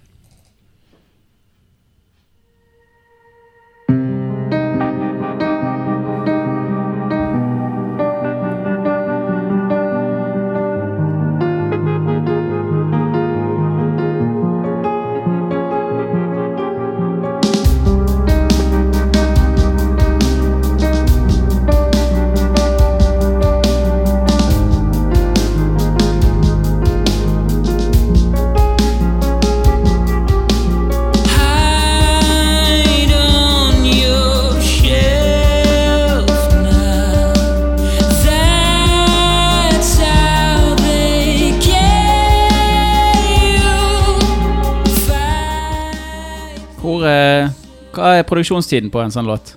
Uh, denne tok vel Det er vel et par måneder. Det, det ligger jo litt i uh, Hva skal jeg si Altså tid tilgjengelig. Uh, man har jobb, man har familie, man har andre ting. Uh, men altså timemessig har jeg egentlig ikke noe sånn regnestykke på. Men jeg mener kanskje et halvår. Det, det, det er mye, det er langt og mye, men, men uh, det er ikke et halvår der det kun var den låten. Det er liksom litt innom den låten, litt andre ting. Der kom den forløsende refrenget på den låten. Jobber litt med den. Kommer en bomvei når jeg ikke ah, nå vet ikke hva jeg skal gjøre for bridgen her. Litt andre ting. Å, nå vet jeg hvordan jeg skal gjøre trommene på den. Sant? Altså, det er litt sånn stort puslespill som måtte liksom falle på plass. Uh, og så, når du er ferdig med liksom skrivefasen på det, så er det produksjonsfasen på det. Og så var det masteringfasen på det, og miksing og alt det der greiene. Sånn, så det er liksom De tingene tar jo like lang tid som å skrive det. Um, det litt gøye med den låten er jo det at versene kom veldig fort på den. Refrenget var helt annerledes i starten. Det var sånn descending baseline og endte på ingen plass. Uh, men jeg husker det var første gangen jeg, jeg bare egentlig jammet med meg sjøl på versene. Og så gjør du noen ganger Jeg jeg liker å ta det fra Assassin's Creed, for jeg føler ordet veldig fint. Eh, leap of faith. Hvor du bare Du har ingen plan. Du bare Du bare hopper etter noe. Mm. Jeg hopper til noe, og så bare tar jeg en tone fra stemmen. vet du. Og Det er den korden som er i refrengen. Ja. Som jeg føler er veldig sånn forløsende. Det, liksom, det går veldig mystisk og merkelig, og så er det plutselig bare sånn bam! Der åpner det seg. Ja.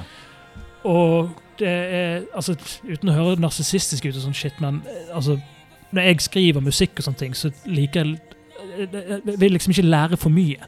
For jeg er redd for mystikken skal forsvinne. Så jeg sitter liksom og oppdager ting mens jeg holder på. Ja. Og jeg elsker de oppdagelsene, for det, det er sånn du får gåsehud av deg sjøl. Mm. Men så er det ikke deg sjøl heller, for det er helt random, det du gjør. Mm.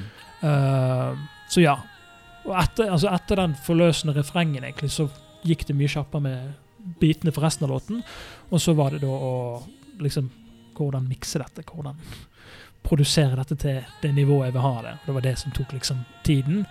Uh, og så når det skal slippes, så er det jo litt sånn Alle kommer jo med sånne anbefalinger til deg. Ikke bare hiv noe ut med en gang. Sett, gi, det, gi en måned både for liksom spillelister på Spotify og andre ting at du kan nå ut til folk. Sant? For når du først har laget noe, så vil du på en måte at det skal nå større. Mm. Uh, men samtidig også er jo den feilen jeg har gjort før, er jo det at eh, at jeg utsetter ting for lenge. Sant? Jeg, må, jeg må vente til jeg har fått kontakt i disse, jeg må vente til han er klar for sånn. Sant? Så jeg var litt sånn OK, eh, en måned fra den dagen han var ferdig. Bare sånn Gjorde han klar, fikk han mastert ferdig sånn, der, der skal han ut. Og så må jeg bare jobbe som faen opp til de månedene for å få han mest mulig ut på spillelister og ut i verden. Ja. For det er egentlig litt det at del av utfordringen er den ikke sitte og vente på ting. Eller holde på ting for lenge. Få det ut fortløpende. Ja.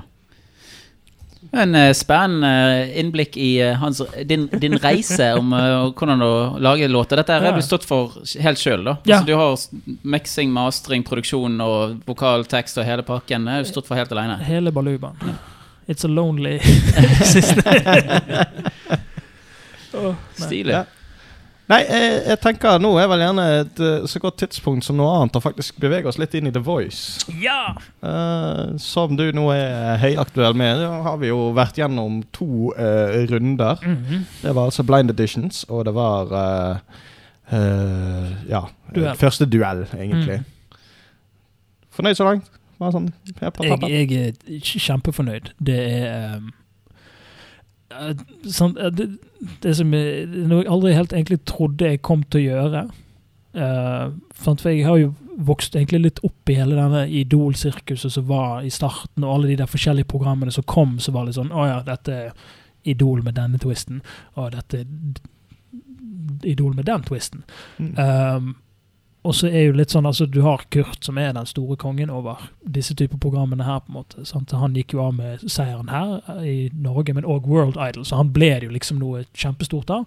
Og liksom etterkant i de andre programmene, både Idol og andre ting, så er det liksom Folk vinner, og så Vinn og forsvinn. ja, så ser du liksom ikke noe mer av det. Sant? Og det er, hele, hele den hypen rundt programmene er blitt litt av. Ja, sant? og så sitter man litt med sånn feeling at liksom «Å, Hva skjedde med dem?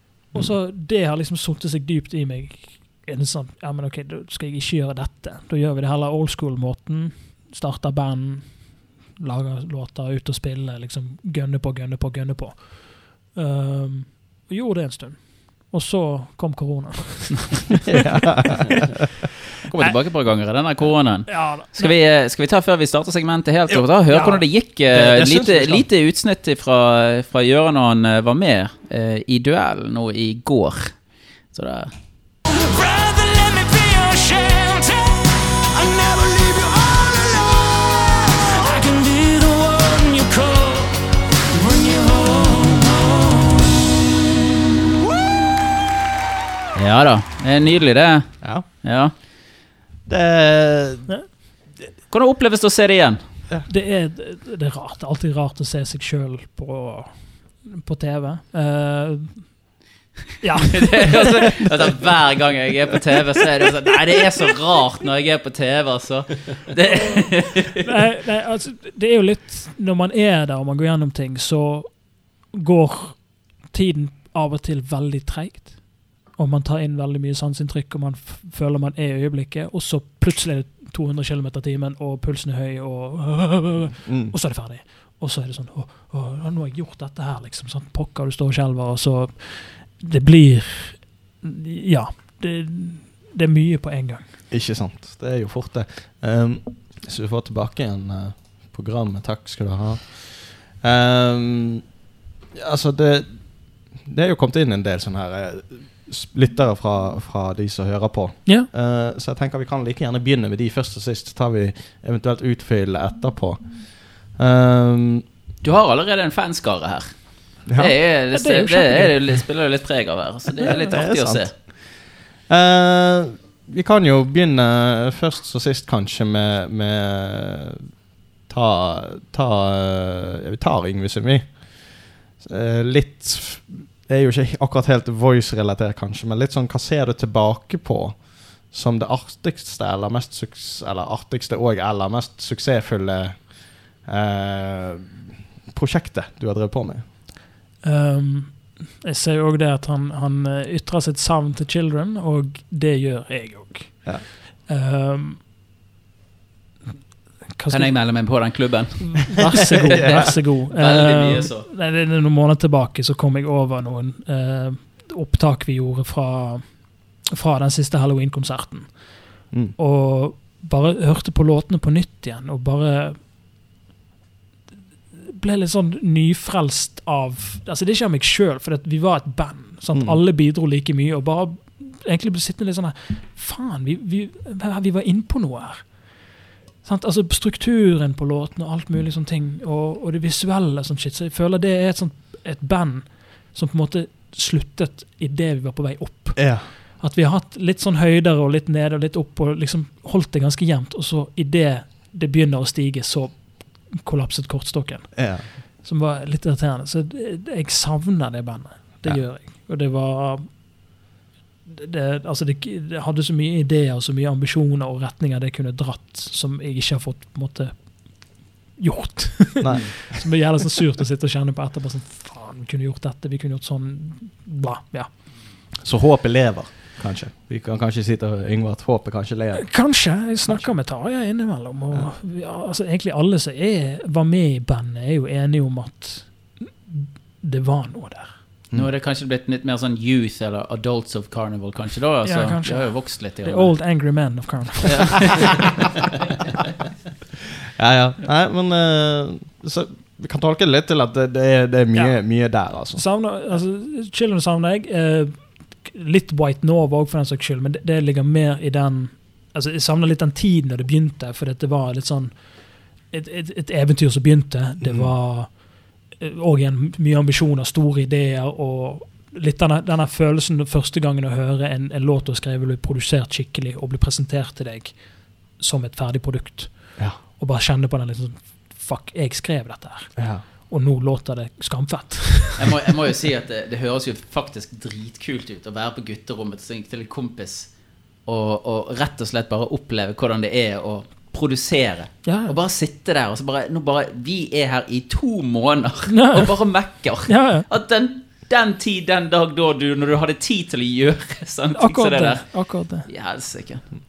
det ja, så de, de, de to. Nei, men det er flott, det. Da, vi beveger oss videre. Angie uh, Angelina, uh, som for øvrig har deltatt i podkasten, har, har kommet med noen, eh, noen spørsmål. Og det, Mm. det første er jo kanskje Vi er jo tilbake igjen i The Voice, og det er jo kanskje like logisk å begynne Ja, der først som sist. Hvordan er det å delta i et reality- reality-show? Vi, vi mener jo at så langt har jo opptak alt vært opptak. Ja. Det stemmer. Um, um, det har vært altså gøy. Eh, det, det er litt merkelig, for det, altså, opptakene i for det som altså, eh, Blind Audition og uh, duellen som er vist nå, eh, ble jo spilt inn i høst i fjor. Og uh, knockout-runden som jeg nå kommer gjennom til, var òg spilt inn i høst i fjor. Mm. Um, så det er jo det at, at du føler du går og bærer litt på en hemmelighet ja. lenge. Og sant, eh, det, er ikke, altså, det er jo ikke alle du kan si det til heller, at du driver på med dette. Du kan, du kan, altså, vi kunne fortelle så bredt at liksom, ja, jeg, jeg har meldt meg på. ja. That's it. Sant? Eh, arbeidsgiver, selvfølgelig. Fordi at liksom Jeg skal til Oslo i to døgn. Fuck you. Og selvfølgelig samboere av den grunn òg, liksom. Ja. Sammen. Jeg skal til Oslo til. Og hva skal du? «Å, Du får med ingenting med.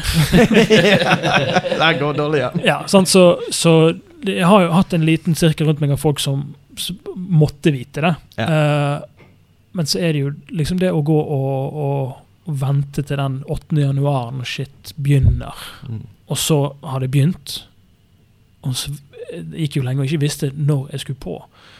Altså, Ja. Vi satt jo hver fredag og liksom saumfarte Instagram på sånn at Tenk om de har glemt å si ifra at jeg er denne kvelden. Tenk, å nei, å, å.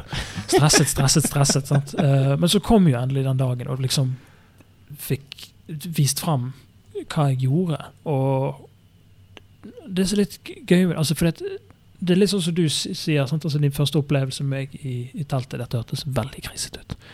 Din første opplevelse med meg i teltet. Jeg syns det høres riktig ut, jeg, altså. Ja. Nei, men eh, eh, Jeg kommer aldri til å glemme det. Ja. ja, det, det er mange som liksom har sagt til meg opp igjennom at altså nå etter deltakelsen så tenker jeg at jeg visste du kunne synge, men jeg visste ikke at du kunne synge. Ja, ja. Sant? Det er liksom Å ja, ok. Men hæ? Jeg trodde liksom sant? jeg, vet ikke, altså jeg, jeg vet Du jo at mente du hadde et såpass stort repertoar fra før av, på en måte? Ja, men det, det, det, det, det han kommer jo òg litt igjen med hele denne Evran-greien min. At det, jeg har egentlig ikke vist meg fram i det hele tatt. Jeg har sittet på jævla mye greier og vært hjemme og vært sånn Hvorfor blir de oppdaget? Så er det sånn, Fordi de går ut og gjør ting. Du gjør ingenting. Du sitter på rommet ditt og skriver musikk, men du viser det ikke til noen. Og du er heller ikke ute og opptrer nok til at det blir en sånn Å ja, OK. Um, så det er litt sånn gøy å kjenne på òg, at, at folk får et litt nytt syn på meg. Yeah. Uh, og ja, det var egentlig det Litt av grunnen til at jeg deltok i dette, her var litt sånn uh, Stikke nesen fram. Det har du aldri gjort før. Ikke til den graden her. Du har, vært, du har spilt band og gjort livekonserter, og folk har kommet og sett på deg, på en måte, men dette er et, et nytt nivå, på en måte. Ja. Og ja Yolo. Ja. Den gode, gamle yolo. Ja. Det? Men eh, jeg har et lite sånn oppfølgerspørsmål til akkurat Ja. det her med at du på en måte føler du går og holder på en hemmelighet. Mm. Var det noen tilfeller der hvor du dukket opp med at liksom du var vekke i Oslo, eller noe sånt? at du på en måte ikke kunne på en måte si hvorfor du var i Oslo, eller noe sånt? Eh, det var faktisk en eh, eh, En liten episode med eh, eh, Det var en familiebesøk. Jeg mener det bursdag eller et eller annet. Hvor den falt nøyaktig på datoen for opptaket for duellen. Mm. Eh, og vi hadde liksom uh, Samboeren min og meg visste, og hun visste jo om det, da, selvfølgelig. Men vi skulle holde det hemmelig for resten. Uh, hvor det liksom Det var ingen logisk grunn for at jeg skulle være vekk herfra. Jeg tror ikke, Nei, nei det var ikke en bursdag, det var en konfirmasjon. No, altså, litt sånn event Ja. som det er litt sånn Den er jo litt stor. Ja, vi har, vi har ingen valid grunn til hvorfor du kan være vekke. Mm. Sånn, Så vi ble sånn, skal vi, skal vi si du er sjuk? Skal vi si du er dårlig? eller noe sånt der? Eh, men vi kom frem til at det her er det bedre egentlig bare come clean. Mm. Uh, I hvert fall med hun. Uh, blir jo da svigersøsteren min. Mm. Eh, så det var en, egentlig den eneste situasjonen der jeg følte at her er vi litt i et hjørne. Uh, men hun, hun skjønte jo på en måte situasjonen og skjønte alvoret i det, så hun Det ble, det ble med hun. Mm. Ja. Det var festlig. Hvordan eh, du, du, du har jo vært på denne reisen ganske lenge nå, sant? Ja. Så eh, når du først finner ut at du har lyst til å være med på The Voice, Mm. så har jo du fått litt tilbakemeldinger før du går der allerede. Men hvordan føler du at Hvor viktig er det for deg å ha støtte fra familie hjemme og støtte fra venner og sånne ting i forhold til karrieren din og valget ditt med å gå til The Voice? det det er jo Altså, familiestøtte er jo litt Altså, det, det går jo ikke uten, på en måte. Altså, du, du må ha en, en trygg base og et trygt nettverk rundt deg, på en måte, og folk som eh, nesten tror mer på deg enn det du gjør sjøl. Um, litt for på en måte å, å altså det, Du har en safe haven å komme hjem til, men òg noen som løfter deg opp når du skal opp og fram. Og, Uh, for det, det er jo det, det er jo ti, altså, en tidkrevende hobby, kan du si, så langt, på en måte. Uh, og aspirasjonen er jo å få noe mer ut av dette enn bare en hobby. Sant? Alle har jo lyst til å kunne altså Driver du på med det og lever av det på en eller annen måte. Sant? Altså, et enderesultat er ikke sånn 'Jeg vil være kjendis'. 'Jeg vil være kjendis'. Sant? Det er jo Altså, jeg elsker musikk. Jeg elsker å fremføre musikk. Jeg elsker å skrive musikk. Kunne jeg gjort det resten av livet? Nydelig. Mm. Eh, Det hadde vært perfect, liksom. Eh, men det er ikke noe som bare skjer.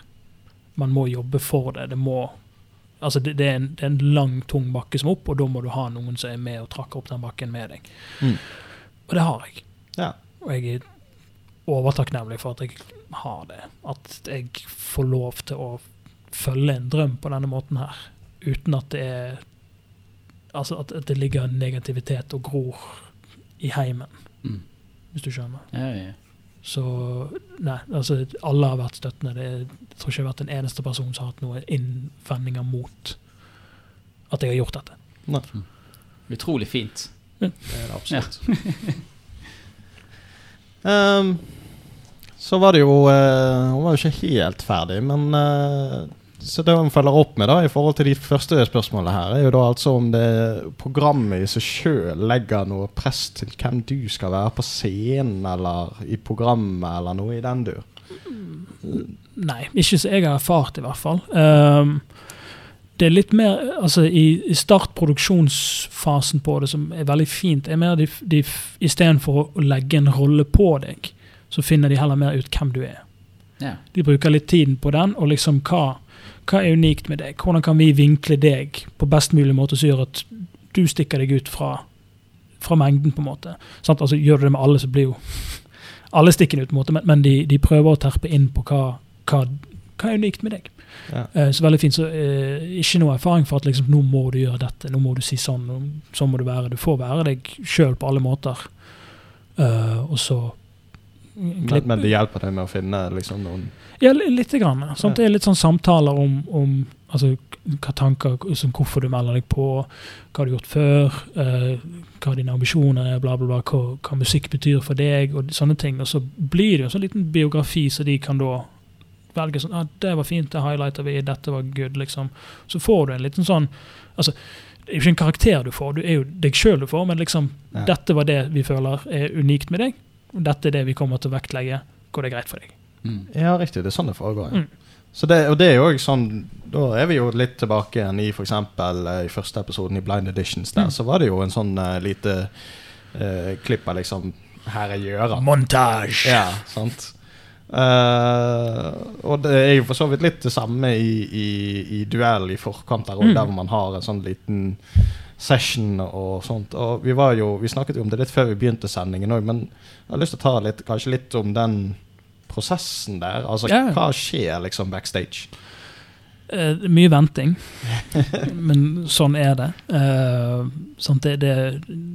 Det er jo sånn tihodet monster som er og jobber der, liksom. Sant? Det er ting som skjer i alle rekker. De har Altså, det er jo Det er jo over kanskje 100 mennesker som I hvert fall med til blind audition-runden i, i dette her. Og det monsteret må ha call på alle disse menneskene. Alle disse skal få sitt videointervju, alle disse skal ha sin lydprøve, alle disse skal ha ditten og datten.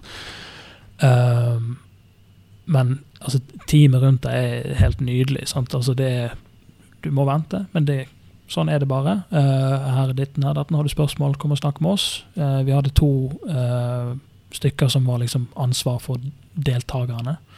Så du kunne snakke med når som helst, og holdt deg liksom Om ti minutter så skal du dette. Ja. Om nå skal du sånn. Um, så ja, mye venting, men ja.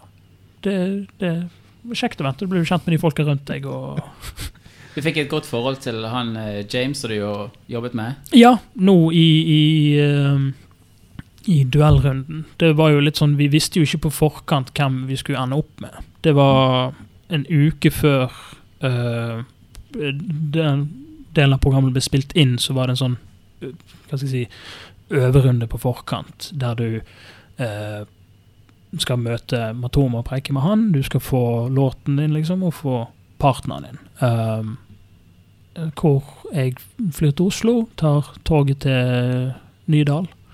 Går til et hotell der, setter meg i lobbyen. Er sikkert kvarter for tidlig ute. Sånn så når man er litt stresset i sånne situasjoner, så har man god tid. Uh, og sitter egentlig der i en sofa og bare chiller, og så kommer det en fyr forbi og er litt sånn Er han med? Han ser litt ut som han kan være med. Jeg vet ikke. Han setter seg i en stol litt bortenfor meg, og så får han en telefon der han, jeg sitter i min egen verden, så hører plutselig bare sånn Du! Er du Gøran? ja. Ja, ja. Ja. Jeg er på telefon med han. eh, Vi må ut og finne en bil. Å ja, OK. Ut og skal finne en bil. Eh, leter lenge. Den bilen var ikke der, tydeligvis. Det var noe miscommunication. Så ringte opp igjen til de og liksom sånn Å ja, sorry, eh, dere må ta toget innover forbi Storosenteret og greier. Vi bare ja, ok, cool. Eller T-banen, da.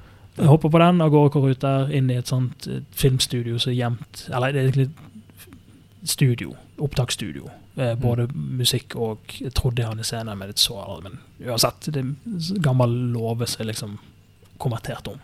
Inn i skauen. Uh, og inn der, og da er det igjen venting. Du sitter backstage med alle andre Eller backstagen som er der, altså oppe et loft, med alle de andre deltakerne som er på Team Atoma. Og at folk begynner å preike sammen, sant? og man kjenner litt på nerver, man er litt stressa, og så ehm, er det jo naturlig at den man da er i duell med, sant? for du skal jo øve sammen, at der blir det et godt forhold mellom oss to. Eller ikke naturligvis, men det ble det mellom meg og han. For vi er Vi funket sammen. Vi har mye fellestrekk, vi har veldig lik humor. Så det ble liksom bare et, et gøyt eventyr mellom meg og han, der vi bondet og fant tonen skikkelig.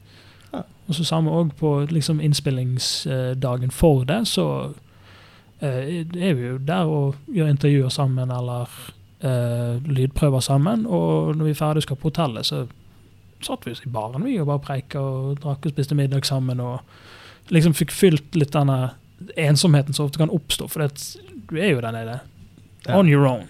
Yeah. Sant? Eh, det, er jo, altså, det er jo ikke det at familie ikke vil være med ned, men det er jo det at de de kan ikke catere for altså Du har 100 deltakere, så skal du ha to foreldre med og en søster, så er det liksom 500 mennesker de skal ned. Så uh, jeg er veldig glad for at jeg fant en venn i han. på en måte, for fordi at Hvis ikke hadde det vært sitte alene på et hotellrom i veldig lang tid og kjent på det at du er alene her nede, og Og bare vente, liksom. vente neste og kjenne og- ja, ja, kjenne på alt det stresset og nærmere. For det, det er litt det. For det kan ta overhånd på deg til slutt, hvor du bare blir helt smør. Så ja. Hvordan eh, opplevde du det? For dette er jo ganske raskt klippet. Så på Ja. den blind edition, når stoler snur seg, Mm. hva går gjennom hodet ditt da? Du, Jeg bare si det også, du valgte jo den uh, Smallwell-låten Ja. på den blind edition. Da. Det er jo en ganske kraftig låt. Den ligger fint i ditt leie. Du gikk Mm. ganske hardt ut i den låten. Dette Jeg kvapp litt da jeg så det for første gangen. For det liksom, Veldig ofte så er det sånn låtene begynner litt rolig, og du skal liksom bli kjent med fyren. så- Men du bang! Der var du! Her er øren. Ok. Ja, men jeg brukte så himla lang tid på å finne ut hva slags låt jeg skulle gå for. Det var lenge så lå det på en, en Keen-låt.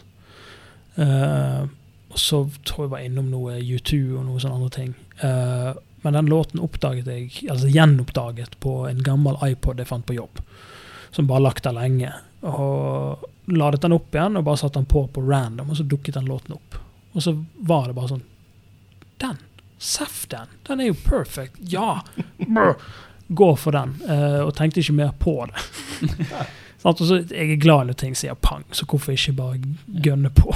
Det var et kult låtvalg. Men Hva gikk gjennom hodet ditt når disse stolene snudde seg? Åh, jeg tror ikke jeg husker det. Nei, det, det er jo Det er jo um, Det har jo litt med preppingen når man skal på det. For man får jo ha lydprøver på forhånd. De forteller deg liksom ehm, Når du er oppe på scenen, sant? her har vi et kryss på gulvet. Står der. Det går fint om du rører deg litt rundt der bortenfra, men det er der lyset er perfekt satt. Uh, gjerne lev deg inn og alt mulig. Uh, Hjemkameraet ditt er imellom de to stolene her. Det er det kameraet som kommer til å bli brukt mest der du er i center. Uh, sant? Så gjerne syng til det kameraet, for det tar seg bedre ut på TV, men vi forstår hvis du har en tendens til å lukke øynene eller se ned eller gjøre forskjellige ting. Sant? Det styrer du sjøl. Um. Så alle disse tankene går i hodet på deg når du går på veldig sånn fokusert på liksom, ok, der er strøken på gulvet, der må jeg stå sånn rett opp og ned. Og hjemkameraet der må og? Så liksom de tankene som går. Men det jeg husker det morsomste der, er jo eh, Jeg går opp, finner streken på gulvet, ser på den, uh, og det liksom For du skal gi en tommel opp for at liksom, nå er jeg klar, nå kan vi begynne. Så du får litt tid, liksom, trekk pusten, ground yourself før dette kicker i gang, så at ikke du føler at du blir bare kastet ut i noe. Uh, jeg skal gi tommel opp, bare liksom samle meg litt i rommet. Uh, låten begynner, Og det første jeg tenker sånn, ok, hjemkamera der. Og der ser jeg en sånn bomkamera som plutselig bare flyr opp i taket. Hvor alt som går i hodet mitt, var sånn Var det hjemkamera? Skal jeg se opp i taket og synge?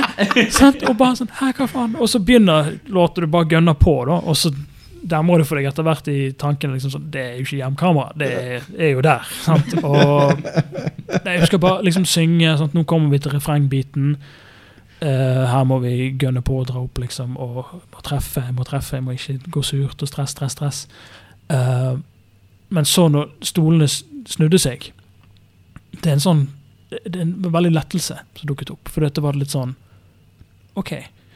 Det er veldig sånn instant sånn um, OK, ordet for det. At altså noen um, Appreciation. At noen bare sånn Yes, du, du, du har gjort noe riktig. Du er, du er ikke forferdelig, du er ikke sugen. Du gjorde noe riktig. Vi liker det du gjør. Ehm, så jeg, mener vel jeg slang hånden opp i luften, eller et eller annet, og så ga jeg et slengkyss. ja, du er av gårde, i alle fall. Ja, ut der, liksom. Og sant, da er jo det Det er jo instinktivt, det er jo ikke tanker lenger. Det er jo bare sånn «Æ, æ, Vi gjør noe. Um, så ja, det, det, kanskje jeg kjenner mest på denne eh, Mye stress og slapp, og den følelsen for at sånn OK, jeg, jeg har et purpose av å være her, liksom. Det, det, jeg er ikke helt på vidden. På en måte. For det er jo en tvil sikkert alle artister, alle som synger, kjenner på opp gjennom tiden. Sant? Er dette bare meg som er høy på meg sjøl, eller gjør jeg noe som er lyttbart? Er det andre, kan andre like dette her? på en måte? Sant? For som regel er det familie og venner som rundt deg og sånn Nei, du er kjempeflink. Kjempebra. Og så får du anerkjennelse fra folk i industrien. ja. Ja, det òg. Fordi at altså For all del støtte og, og ting fra familie og sånne ting er jo, er jo gull verdt, på en måte. Men de, de er jo ikke nøytrale. Så det er ikke alltid ting man kan stole på der. Men å få noen som er aldri har hørt deg før, de har ingen agenda med deg i det hele tatt, og at de sier en tipp topp tommel opp, det, Ja, det var gøy. det var digg. Eh, da har jo Tommy et spørsmål som uh, faller veldig greit til neste til videre Der, Nå. Go, det er jo Tommy. Eh, under Blind Edition. Hvorfor valgte du ikke Espen Lind? Nå eh, vil jeg jo bare nevne Tommy hadde en hel masse annet skrevet, men eh, det var vel litt sarkasme oppimot uh, at han sjøl var nordlending, og Espen Lind er nordlending. Og, oh, ja, okay. sånn. han, han følte seg uh, prox, proxy-såret. ja, noe sånt. Jeg vet ikke. Um, Jeg kan bare også skyte inn at der i den uh, eh, Blind Edition nå, så sa jo du, og det ble jo faktisk med på klippet òg, du sa det at jeg hadde bestemt meg før jeg kom her, mm, men du ombestemte deg. Ja. Ja. Nei, um, men jeg tror alle deltakerne gjør det. De, de, du, du vil jo måtte tenke litt på forkant at best case scenario. Selv om det er litt dumt kanskje å gjøre det, på en måte, men ja, man vil ikke stå på teppet der når man, den tid kommer. Uh, nei, for jeg, jeg hadde en, en, en tanke Hvis Ina eller Espen hadde snudd seg, så tenkte jeg en av de to. Eh, bare rett og slett fordi at liksom Sånn som jeg er som artist, og sånn som jeg synger, og sånne ting, så tenkte jeg disse to kan, kan bidra med noe til meg. Uh, ikke Ja, det var egentlig det jeg tenkte. Uh, men Matoma var så gira. Han var så genuint gira på å jobbe med meg i dette at han snudde meg, rett og slett. Han snudde seg for meg, og han klarte å flippe meg mot han. Uh, så det var egentlig enkelt og greit det at han Han, ja, han, han solgte seg sjøl til Ja. meg. Og så går du videre, og så kommer duellen, Ja. og så eh, velger han eh, James overfor deg, Ja. og så snur Espen seg. Ja.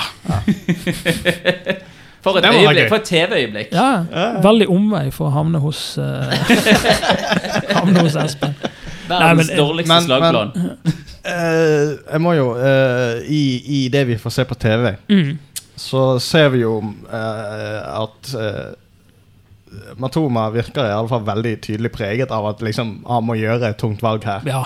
Og, og han var jo sjeleglad, tydelig, Ja, ja, når han er eneste dommer som legger seg ned på gulvet bare fordi at noen Unnskyld. Noen andre rett og slett henter deg inn igjen. sant? Ja det, det Ligger ned på gulvet der og, og liksom bare Nei, det er um, Altså, det, jeg misunner ingen av dommerne de avgjørelsene de har Nei. der. Uh, rett og slett for det altså, En ting jeg har bedt meg å merke med denne sesongen, her, og det sier du sikkert alle sammen om hver sesong, men jeg føler alle denne sesongen her er sykt flinke. Det er, alle er skamflinke folk. Ja. Og da ender det opp med altså, altså Jeg har sett tidligere episoder òg. Det er to stykker, og du kan ikke separere dem på noen slags måte. Det er, det, er en, altså det er en perfekt duett. De får begge sitt sånn søkelys. Det er liksom sånn Det er et umulig valg. Mm. Um, det var jo litt det meg og James gikk inn i denne uh, duellen med, var liksom Fuck duell. Vi, gjør, altså, vi skal synge en låt sammen, vi skal prestere det beste vi kan. Vi skal løfte hverandre så mye som vi klarer, og vi skal levere noe som vi begge to kan være dritstolte over at vi har gjort. Uh, og så er det opp til Matoma. Rett og slett. Mm. Sant? Hvis vi kan stå inne for det vi har gjort, at det er, er bra, så kanskje vi går derfra og være lei oss etterpå. For vi har gjort vårt, det er han som må liksom velge dette. her. Uh, så ja. ehm, nå er- jeg train of thoughten her. Hvor var vi? Eh, Du nevnte, Nei, du, du, er- nevnte, du er fortsatt on track. ja, ja, men du nevnte noe om dette her med denne sesongen osv. Men det som jeg synes er litt kult akkurat i år, da, det er det hvis du tar litt sånn lærdom fra hvordan NRK har drevet med sine ting og har Melodi Grand Prix, og så har du dette Maskorama-greiene, så ser vi det at seertallet har jo gått til de grader opp i år. Ja. Og det er jo sannsynligvis bærer litt grann preg av korona og det at folk sitter veldig mye hjemme og ser på ja. TV. Og det kan jo gjøre at, at uh, The Voice-gjengen har jo funnet ut det at uh, hvis det er et år vi er nødt til å smelle på stortrommen, så er det nå når vi har seerne med oss. Ja, Og at eh, kanskje at eh, narrativet og produksjonen er nødt til å være til de grader, sånn at vi faktisk klarer å ta og hamstre inn det som NRK har klart å få til. ja. Så der er jo det godt hende at eh, det er flere øyner i år enn det det pleier å være. Det tror jeg òg. Um, så jeg, jeg vet ikke hva det er, men, men jeg sitter med en litt sånn feeling òg at vi, vi ser mer resultat av ting òg på, på strømmetjenester, sånn som Spotify og ting. At du, du, det dukker opp eh, altså opptredener i løpet av The Voice som blir virale. De, de havner på topplister på Spotify. Noe, altså Jeg skal ikke si sikkert, for jeg har ikke fulgt noe med, men jeg føler ikke sånne ting har skjedd før. Det virker som som du sier, at det er et større publikum som følger med på dette her nå, og hvis altså det store beistet som er den norske befolkningen, kicker på noe, så viser det resultater av det. Mm. Som er jo utrolig gøy. Og så får du litt mer instant informasjon nå, da, hvis du kan følge folk på Snap og Facebook ja, ja. og podcast, Podcast. hvis du vil. så kan du få litt grann, Du kan bli kjent med folk på en litt nyere måte, Ja. og dermed blir du mer engasjert i og løfter et nytt håp for Ja, ja, ja. den personen. da. Har vi flere spørsmål? Eh, ja, vet du hva. Nå, er, nå har vi jo faktisk uh, holdt på i en liten time bare om å snakke dagens tema i dag, så jeg tenker vi kan ta oss og runde litt av. Men vi har noen litt, uh, litt spørsmål vi kan ta litt raskt på tempen, tenker jeg. Ja, Og de, de er sendt inn av Rikke. Uh, så da er jo første spørsmål hvordan går du fram med å lage musikken din? Nå har de for så vidt vært litt inne på det, men Det, jo... det er litt forskjellige framgangsmetoder på det. Um, noen ganger så er det sitte med kassegitar og legge noen akkorder å komme på med en melodi, og så noe tekst til det. Andre ganger så kan det være så enkelt som at det er en, en lyd. Altså en eller annen synt eller en eller annen gitareffekt eller noe sånt. Noe som bare Det setter en stemning. Mm. Og så er det å jobbe ut ifra den og forme. Um, jeg har den uvanen at jeg produserer mens jeg skriver ofte, som er litt dumt, for da kan du ende opp med at du kommer ganske langt av gårde og så finner du ut sånn Pokker, her skulle jeg gjort noe annet, og da blir det veldig mye ekstraarbeid for å endre på det. det. Men det kan dukke opp hvor som helst. Det kan være ja, som sagt, fra en kassegitar det, det kan være en enkel lyd, det kan være en, en tekstlinje. Det, er- det er mye forskjellig. Men det er liksom Jeg føler det, det blir mer komplett jo mer jeg får sitte og liksom polere på det. Og så kommer det alltid et sånt punkt midtveis der du er halvveis i poleringen, og så sånn ah, dette er crap. Dette er dårlig, jeg liker ikke dette. Bla, bla, bla. Men så vet jeg det at jeg må bare det er da jeg må legge i jernet. For det er da jeg bare må fortsette å polere på det. For det er en sånn bakke. Og når du kommer på toppen av den, da er det sånn OK, nei. Det, det, dette løste det. Nå er det bra igjen. Nå får jeg energi. Nå kan jeg fortsatt jobbe med det. Ikke sant. Det er litt så stilig, for det høres ut, ut som på en måte at uh, du geleider låten i en eller annen form for sti, men så geleider låten deg inn på en annen sti, Ja. og så må dere merge det sammen. Ja, ja. Det er veldig spirituelt. Men, ja, men det, det, det, er noen opplevelser av og til som er Altså, altså du, du, føler ikke, altså du føler ikke at du skriver noe, du føler mer at du oppdager noe. Mm. Noen ganger. Mm. Uh, det, det er spesielt liksom låter der det går Altså det er veldig fin flyt. Du føler ikke du sitter og, og, og jobber med noe. Det bare, det bare kommer mer og mer og mer etter, etter hvert som det bare klimprer med. Ja. At andre ganger så er det så grave i gjørme etter uh, småstein. Men uh, i forhold til det, uh, altså inspirasjon og sånt, er det noe Er det et sted eller noen låter som du hører, eller en lyd fra en eller annen spesiell artist eller en spesiell sjanger som du um, har hørt på flere ganger, som gir deg på en måte den inspirasjonen til å begynne på et eller annet? Ja, det, det kan det være. Altså Noen ganger så kommer du ut av tynn luft. Andre ganger så er det rett og slett du hører en låt. En annen sin låt. Uh, det kan være en, en, en passasje i den låten som oh, fuck, det var dødsfett. liksom. Okay. Det hadde vært kult å, å gjort noe lignende det. Sånn at selvfølgelig ikke blåkopiere det, for det, det er ikke lov. uh, men uh, nei, sånne ting Noen ganger så kan det rett og slett være altså, en skarptrommelyd i en låt. Som er liksom okay. Faen, yeah. det var en fet groove, eller det var kult. Sånn kan vi gjøre noe kan, Er det noe jeg kan trekke ut av dette og sette inn i min, eh, min egen verden, på en måte? Um, men jo, altså Det er jo visse band og sånn som alltid sånn, Jeg er jo kjempefan av U2, Coldplay. eh, men i siste tiden så har jeg falt mer inn i en sånn indie, lofi-verden. Uh, og begynt å høre mye mer på Radiohead. Uh, altså Ja. musikk som er litt kanskje Ikke så veldig mainstream, kanskje litt mer på periferien. Uh, men samtidig har elementer i seg som jeg syns er veldig fengende, og jeg syns kan funke. Så det er, ja, det er tusen ting som kan in- inspirere. Jeg føler jeg plukker opp mye Keen og Sabia fra Everon-prosjektet. Ja, Der syns jeg er mye likt, altså. og, og mye jeg har hørt mye på. Ja, okay. ja. Vi tar en, eh, det neste spørsmålet. Jeg har lyst til å ta en liten trall. Åh, hva trall skal det være? da? Via Gundersen hadde foreslått en godnattvise. Koka skitsekken full Forresten, hva er skitsekken? Eller er det skitsekken? Ja, altså, det er jo bleien. Men hvorfor skal du koke den? Nei, for da- Du skal jo bruke den på nytt igjen. Og du kan ikke bruke du må jo, altså Han, han må jo være rein. Er det det den låten handler om? Ja, ja, ja. Det handler om Du skal koke bleier, og så kommer den- bleier. Og så kommer det en vandringsmann på veggen? Altså, ja, ja, ja, for det du selger jo den igjen. Altså, du er jo ferdig med den. Ok. Ja. Ja, det var en liten trall og en f- Nå ble jeg litt Fikk, fikk litt backstory og lærte litt. Grann. Dette har jeg lest mye om. Ja. og så eh, avslutter da Rikke med Har du noe skjulte talent? Det er i så fall skjult for meg sjøl òg, så da Ja, men da Ja. Da er vi der. Ja. Nei, det er jo et forferdelig godt spørsmål. kan umulig stemme. Det skal jeg aldri tenkt på før. Det er ikke sånn. Helt urimelig. dette er urettferdig. Vi må jo bare Dagens tema. Det blir gøy, da. Hæ? Ja, det, jeg syns dette her har vært uh, meget uh, meget flott. Jeg syns det har vært fint å få et lite innblikk i, i både reisen din, Gøran, Ja. og uh, for så vidt dine erfaringer med, med egentlig et reality-program. Nei, men det var, det var gøy å kunne preike om.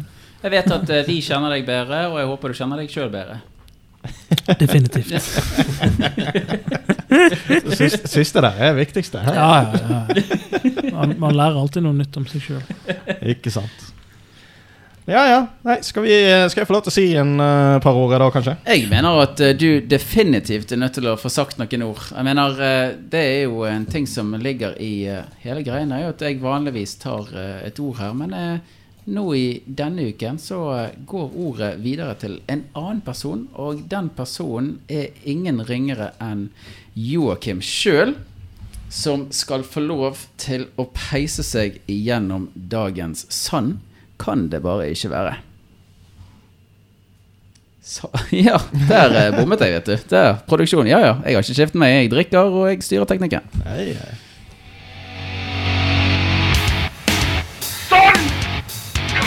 Det bare ikke være! Nei, vet du hva? Ja, da er vi altså tilbake. Nå må jeg få lov til å, saumfare meg litt i en eh, skjerm jeg ikke nødvendigvis er 100 kjent i. Uh, der var den. Og så Akkurat, ja. Ehm, så i dag skal jeg altså ta dere gjennom uh, vår uh, alles kjære lille 'Sånn kan vi ikke ha det'. Og det uh, skal vi Vi skal for så vidt innom noe jeg har snakket om uh, litt grann i episodene som har vært. Jeg har i anledning hentet inn musikk fra det jeg skal snakke om, så jeg har faktisk vært i kontakt med, med skaperne av musikken og faktisk fått tillatelse til, til å bruke den til dette her. Så nå kjører vi. Som dere alle vet, så har jeg vært opptatt en periode hvor jeg har spilt mye Risk of Rain 2. Hvis dere ikke kjenner til det, så er det tredje person. Altså at man ser figuren man spiller, og skytespill. Jeg vil tro denne sier seg sjøl. Spillets intro viser deg et romskip med en enkel dialog om at du har funnet en planet hvor det kommer et nødsignal fra, og de sier at denne planeten ikke er å finne på noe stjernekart. Herifra blir du sendt ned til planeten. Spillet har en drøss med mål, også kjent som achievements, som du kan oppnå, og hver gang du klarer et mål, så låses det opp noe nytt. I begynnelsen så kan det bare være én karakter, men, klarer, men når du klarer noen spesifikke mål, låser det opp andre karakterer du kan spille, som igjen også har egne egenskaper, og som igjen gir nye spillopplevelser. For å ikke glemme at hver karakter har sitt eget sett med mål som låser opp flere egenskaper og utseende, såkalte skins, som ytterligere gir mer variasjon. Målet er da også for en hel masse ting heretter referert til som items, som eh, skal låses opp i spillet. Hver av disse itemsene, i tillegg til å bli kraftigere jo flere du får, gjør noe for karakteren du spiller i mange forskjellige former. Disse itemsene plukker du som regel opp fra kister som ligger strødd rundt rundt på kartet. Det finnes også items du må trykke på en knapp for, å, for at de skal aktivere. Disse kaller vi nå for våpen. Hvordan foregår spillet, sier du? Jo, det hele begynner jo da med at du blir sendt ned eh, til, fra skipet i en kapsel. Herfra beveger du deg rundt på kartet jakt, på jakt etter en teleport. Når du er klar til å aktivere teleportøren, setter du i gang en såkalt teleportørhendelse. Da dukker det som regel opp en stor, større og som regel kraftigere fiende, så du må overvinne for i det hele tatt kunne spole opp teleportøren. I tillegg har du en sfære du må holde deg innenfor, og, du, og om du kommer utenfor, så stopper oppladningen helt til du igjen befinner deg innenfor sfæren. Til sist er teleportøren oppladet, og du kan aktivere den eh, igjen og bli sendt til et nytt kart. Og mens du spiller, eh, er det en timer som starter. Timeren vil på gitte tidspunkt øke vanskelighetsgraden, og slik fortsetter dansen mens du blir sterkere, og fiendene blir både flere og sterkere, inntil du etter hvert én Møter en avsluttende hendelse, f.eks. å slå siste fienden, populært kalt siste boss, eller to, Du dør. Ehm, før du begynner spillet, har du en mulighet til å endre vanskelighetsgrad. Uh, disse er drizzle. Uh, ble litt uh, tekniske problemer her. Uh, ja, disse er altså drizzle. uh, monsoon og Finner meg inn igjen. Drizzle, rainstorm og monsoon er disse vanskelighetsgradene. De er henholdsvis enkel, normal og vanskelig. Det er en hel rekke parametere som endrer seg ut ifra hva du velger som vanskelighetsgrad. Eksempel, på monsoon så tar det kortere tid før neste vanskelighetsgrad på timeren. Samtidig som at karakteren din er svakere, store monstre dukker opp tidligere, og det er mange flere fiender som dukker eh, på kortere tid. Et spill på monsoon er generelt vanskelig å holde seg i live forbi en time halvannen. I motsetning til i andre enden hvor du på drizzle kan tilsynelatende i OK-spill holde på i det uendelige. Eh, jeg tror det lengste jeg har giddet å holde på i et spill i, uh, i ett uh, run, uh, er nærmere tre timer, før jeg med, vilje, med vilje gikk inn for å dø. Uh, de er også, det er også de tilfellene hvor jeg ikke har dødd fort nok, så jeg har bare måttet avslutte, avslutte spillet enten via escape og exit, eller fortsette spillet til jeg finner en annen enkel måte å avslutte spillet på. Spillet er også styrt av en del tilfeldigheter, det være seg et monster du møter, hvilket items du plukker opp, hvor kisten er, hvor teleporten er, hvor mye du gjør i skade, hva du blir gjort i skade, og masse annet. Men dette er en rant, ikke en spillanmeldelse. Hvor raseriet, spør du? Jo, vi nærmer oss. Til dags dato har jeg ifølge Steam 240 timer under beltet på dette spillet. Det er et litt unøyaktig tall, siden Steam teller timer eh, antall timer spillet har vært kjørt. Og med pausespiller og spiser middag, så teller timene like fullt. Uh, like fullt, blant de snart 300 forskjellige titlene jeg har på Steam, uh, er Race of Rain 2 på en sjetteplass av alle mine spill over antall timer spill. Sagt med korte ord, jeg har spilt det mye. Og det er et fåtall ting jeg ennå ikke har fått låst opp, og nå begynner vi å komme til sakens kjerne. Oppgaven jeg refererer til, en relativt enkel en. Drep en spesifikk fiende med en spesifikk karakter med et spesifikt våpen. Karakteren du skal være, er en robot ved navn Mull-10, altså Multi. Hen har muligheten til å ha to våpen, i motsetning til alle andre du kan spille. Våpenet du skal bruke, er det våpenet med høyest damage av alle våpen, uten andre faktorer som spiller inn. I tillegg er skuddet som kommer ut, et ganske sentgående prosjektil som skader fiender innenfor en viss radius underveis, inntil det treffer noe eller det går for langt. Som kompensasjon er det også viktig eh, Er det også et av de våpnene som tar lengst tid å lade opp neste skudd med. Du kan altså ha to av disse på Malti. Nå. Fienden skal utslette med denne komboen, er en fiende kalt Impoverlord. Og det er en fiende eh, som har et par stygge angrep, og jeg vil rangere den på 7 til 10 i vanskelighetsgrad, sammenlignet med tilsvarende stygginger. En egenskap denne styggingen har, er også å kunne teleportere. Når den teleporterer, så forsvinner den fort, men det er veldig lett å se hvor den kommer til å dukke opp, eh, siden det er et felt eh, rundt der han kommer til å havne. I de foregående ukene har jeg også satt for meg denne utfordringen, og tenkte at det skulle ikke være så altfor vanskelig. Det viste seg at den var det. I begynnelsen så løp jeg lange løp Drizzle, gjerne opp mot to timer. Problemet var at jævel dukket aldri opp. Men plutselig på ett løp så hadde jeg opplevd noe jeg aldri har sett maken til. Det dukket opp seks av disse selv, forvokste selvteleporterende amøbene, og jeg så alle stjerner og planeter stille seg på rekke. For så å finne at alle sammen ble slaktet for fote. De dør alle av mine andre egenskaper jeg har tilledet meg via items. Ikke én døde av det våpenet jeg skulle bruke. Jeg gjorde flere løp. Jeg gjorde det mulig for meg å velge hvilken items jeg eh, fikk via noe som kalles artifact. Artifacts er også noe som må låses opp. Mens i kampens hete har jeg gjort mitt etter to små feil, som å plukke opp noen droner og andre items som jeg kom over eh, etter mange runs, men nei. Den eh, neste jeg møtte, døde heller ikke ved hjelp av våpenet jeg skulle ta med. Etter dette var han vekke.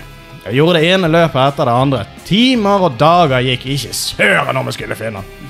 Jeg begynner å bli lei. Jeg endrer taktikken til å prøve meg på monsun vanskelighetsgrad, men det blir for vanskelig. Frustrasjon er et faktum. Jeg kjenner en ekstrem vilje til å skyle kontrolleren i skjermen etter enda et langt spill på Drizzen. Jeg søvnfarte nettet. Hva var grunnen til at den ikke dukket opp? Jeg måtte vite om jeg kunne finne en måte å trigge han og få han tilbake på. Jeg kom over anbefalt måte å gjøre ting på. Jeg fulgte den oppskriften, som jeg for så vidt allerede hadde funnet ut av selv, om enn med dårlig gjennomføring. Det var om å gjøre å være høyst selektiv i hva du hadde med deg av items. I tillegg anbefalte de å aktivere enda en artifact, så items dukker opp av nedfeltet fiender i stedet for kister. Jeg prøver med de anbefalte innstillingene.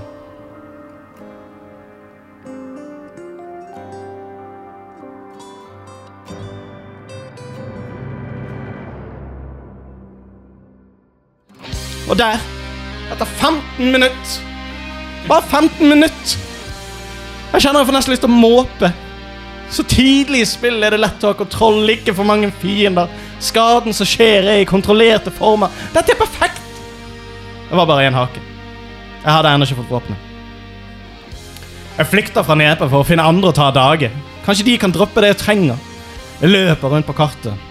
Oppdager jeg, at- humlepungen nærmer seg, så løper jeg vekk for å være sikker på at han ikke tar skade av noen av mine angrep. Jeg aner håp! Jeg løper febrilsk rundt. Ulempen så tidlig i spillet er at det er få fiender som dukker opp, og av alle de jeg finner, så er det ingen som dropper det jeg trenger. Etter å ha løpt rundt på dette brettet i ti minutter oppdager jeg plutselig at livet hans som er vist i toppen av skjermen, er vekke. Igjen stirrer jeg måpende på skjermen. Det er noen monstre som kommer bort og begynner å slå på meg. De bryr meg rett og slett ikke. Jeg gjør ingenting. Eller etter at de har slått meg tre ganger, så gjør jeg noe. Jeg skjønner ikke hva som har skjedd. Han hadde jo så mye liv sist jeg så han. Bare for å være helt sikker så løper jeg tilbake til teleportøren og jo da, kjempen er død. Mistanken min ligger i at den ene lille dronen jeg hadde på slepet, var litt uheldig å plukke opp etter gammel vane. Skyld i hele greia. Nå begynner det å tære på viljen. Jeg prøver meg igjen. Det første løpet etter eh, det skjebnesvangre løpet nettopp hadde vært gjennom, hvor det manglet ett våpen, så dukker det altså her opp tre våpen på første banen. Jeg følte skjebnen le ondskapsfullt og godte seg over hvor frustrert det var. Og igjen var han vekke. I min rastløshet begynner jeg nå å spille dårlig. Jeg kommer meg ikke lenger forbi første brett engang.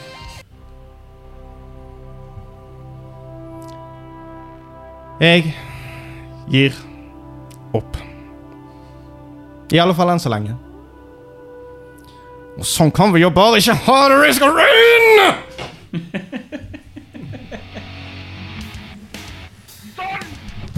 Kan det være! Helvete.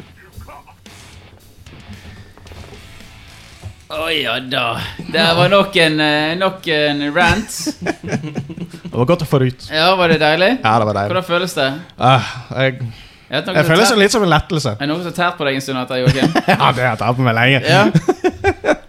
Eh, Den der eh, følelsen av å skyle kontrolleren i en eh, monitor, den, den er det lenge siden jeg har følt på, må jeg si. Jeg, jeg, jeg, jeg, jeg hadde en kompis en gang som satt og spilte uh, Medal of Honor på, først, uh, på PlayStation 1, tror jeg. Mm. Og det var, ikke, det var ikke det at spillet um, i seg sjøl var for vanskelig, og hva det var for noe. Det var det at når han tapte, så klarte han ikke å ødelegge kontrolleren.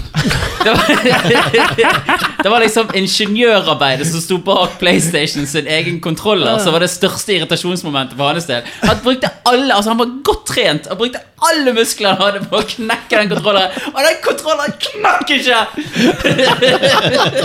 Så det største problemet han hadde. Jeg hadde lignende story med en annen show med meg òg. Det var PlayStation 2.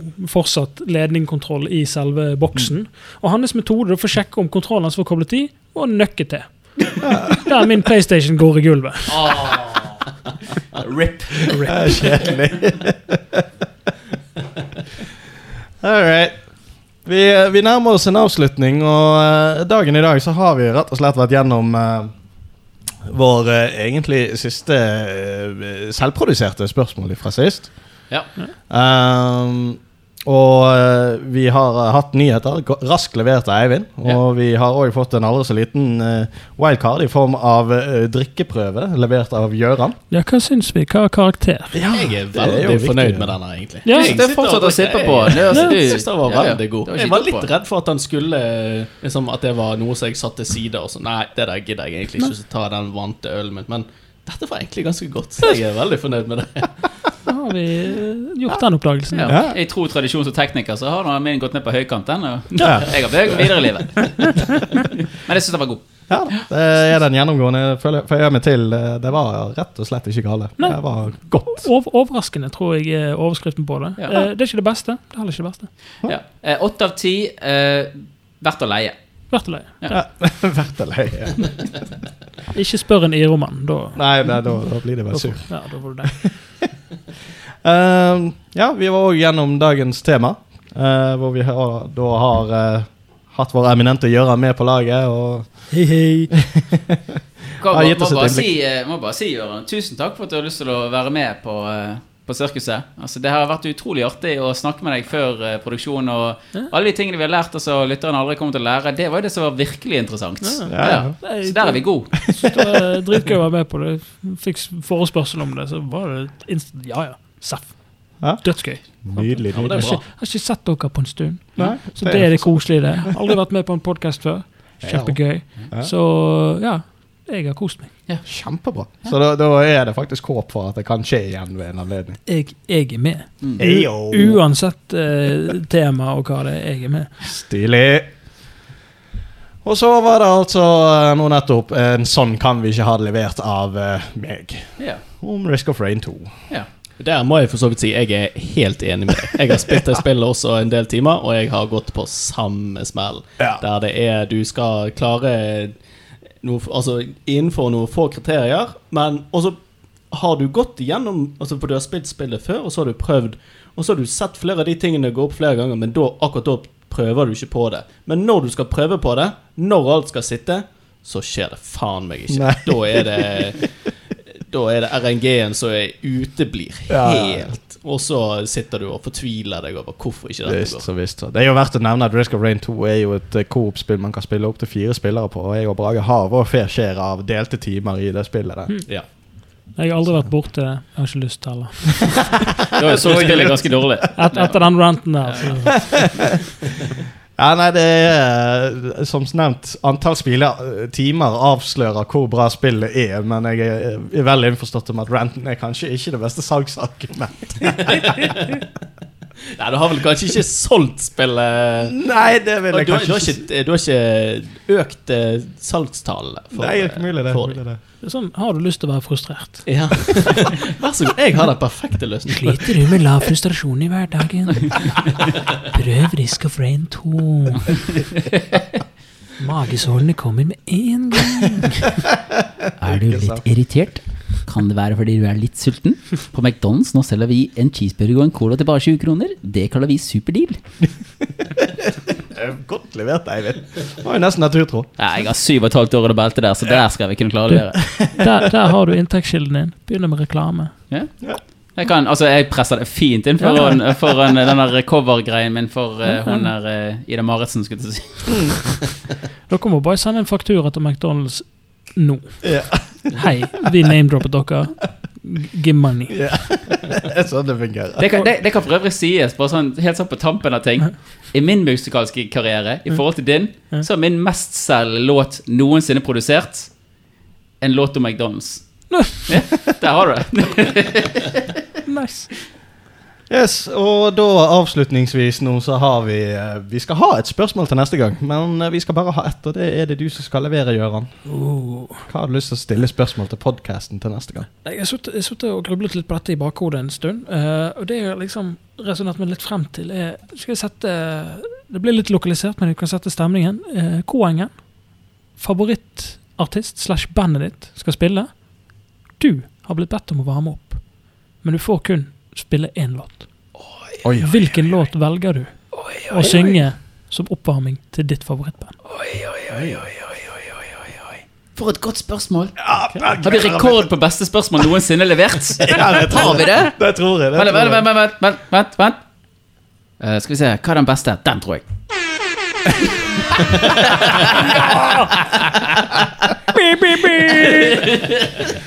Litt bedre timing neste gang, så er vi vi. Du mener at det er noe feil med meg som sitter og vurdere og si Vent, vent, vent, vent, vent, vent, vent, vent, vent, vent. Ok, greit. Hold kjeft! Hold kjeft! Hold kjeft! Og med det så kan vi vel egentlig takke for i dag. Så høres vi. Ja, det gjør vi.